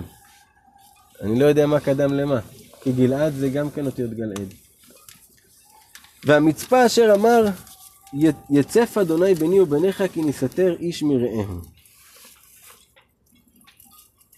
והמצפה, יש איזה נקודה בהר הגלעד שהיא ממנה צופים למרחקים. הוא יהיה הצופה, הוא זה שראה אותנו עכשיו, כי נסתר איש מרעהו, שאפילו כאילו אם אנחנו, שלא נסתר אפילו ונעשה משהו בסתר, להזיק אחד לשני. תראה איזה שבועה הוא עושה איתו, אומר לו, המצפה הזה, התצפית שאתה רואה שם, היא צופה עלינו, שבסתר לא נעשה משהו אחד לשני. אם תענה את בנותיי, ואם תיקח נשים על בנותיי. הוא אומר לו, זה עד שאתה לא תענה את הבנות שלי, ואתה לא תוסיף נשים עליהם. אין איש עמנו רואה, אין איש עמנו. ראה אלוהים עד ביני וביניך. תראה, זה לבן אומר לו. אומר לו, תשמע, אין אף אחד רואה, רק אלוהים עד ביני לביניך. ויאמר לבן ליעקב, הנה הגל הזה, והנה המצבה אשר יריתי ביני וביניך. עד הגל הזה, ועדה המצבה. אם אני לא אעבור אליך את הגל הזה, ואם אתה לא תעבור אליי את הגל הזה, ואת המצבה הזאת לרעה. הם עשו הסכם שאף אחד לא עובר את הנקודה הזאת בשביל להרע לחבר שלו. אם זה בשביל לעשות מסחר או לעשות משהו טוב, אפשר לעבור, אבל לא לרעה. אלוהי אברהם ואלוהי נחור ישפטו בינינו. תראה, זה לבן אומר לו. אלוהי אברהם ואלוהי נחור, כאילו יש שני אלוהים. אומר לו, שני האלוהים ישפטו בינינו. אלוהי אביהם. וישבע יעקב בפחד אביו יצחק, ויעקב נשבע באבא שלו. אה, הוא נשבע ב... ההוא נשבע באלוהים שלו, יעקב נשבע בפחד יצחק. פחד יצחק זה הכוונה ה- האלוהים של אבא שלו. ויזבח יעקב זבח בהר, ויקרא לאחיו לאכול לחם, ויאכלו לחם וילינו בהר. מבחינת יעקב הייתה תחושת ניצחון, הייתה תחושת הקלה, הייתה תחושה טובה. זהו, פתר את זה. הצלחתי להתנתק מלבן בצורה הכי טובה שיש. יש לי רכוש, יש לי את הילדים שלי. זה הזמן לזבוח זבח תודה לקדוש ברוך הוא. עשו חגיגה, אכלו לחם, בירכו את הקדוש ברוך הוא, וילינו בהר. נשארו לישון בהר. איפה, באיזה הר? הר הגלעד. כאילו הם נשארו, הם לא זזו משם, הם עשו פשוט לילה כיף כזה של רוגע, שכאילו השתחרר משהו. וישכם לבן בבוקר, וינשק לבניו ולבנותיו, ויברך אתהם. וילך וישוב לבן למקומו. לבן קם בבוקר מוקדם, נשק את הבנים ואת הבנות, ובירך אותם, להראות שזה בלב שלם. וילך וישוב לבן למקומו. מה זה וישוב לבן למקומו? שב לרשעתו. זה שהאלוהים התגלה אליו, וזה, כל הסיפור הזה לא עשה עליו רושם. הוא שב לרשעתו, להישאר לבן הארמי, נבל הרמאי. אבל היה לו איזה קטע של... שכאילו בא ובירך את הבנות, וזה כאילו היה פה איזה... כן, אבל אתה יודע, אצל רמאי זה. כאילו גם זה ב... הוא ישר שאב לרשתו. כן. עכשיו פה יש לנו פסוק שהוא אחד מפסוקי השמירה שאומרים בתפילת הדרך. ויעקב הלך לדרכו. ויפגעו בו מלאכי אלוהים. ויאמר יעקב כאשר העם, מחנה אלוהים זה. ויקרא שם המקום ההוא מחניים. שמלאכים של ארץ ישראל באו לקראתו ל- ללוות אותו. ואז הוא קרא למקום הזה מחניים. למה? כי מי שליווה אותו עד עכשיו הם המלאכים של חוץ לארץ. מלאכי ארץ ישראל באו לקבל את פניו. ואז היו פה שתי מחנות של מלאכים, מלאכי חוץ לארץ ומלאכי ארץ ישראל. לא בכל יום יש מפגש כזה. אז הוא קרא למקום הזה מחניים על שם שתי המחנות. ויאמר יעקב כאשר ראה מחנה אלוהים זה ויקרא שם המקום ההוא מחניים. ויאמר יעקב כאשר ראה מחנה אלוהים זה ויקרא שם המקום ההוא מחניים. ויאמר יעקב כאשר ראה מחנה אלוהים זה ויקרא שם המקום ההוא מחניים. ברוך אדוני לעולם, אמן ואמן. איזה סיפור.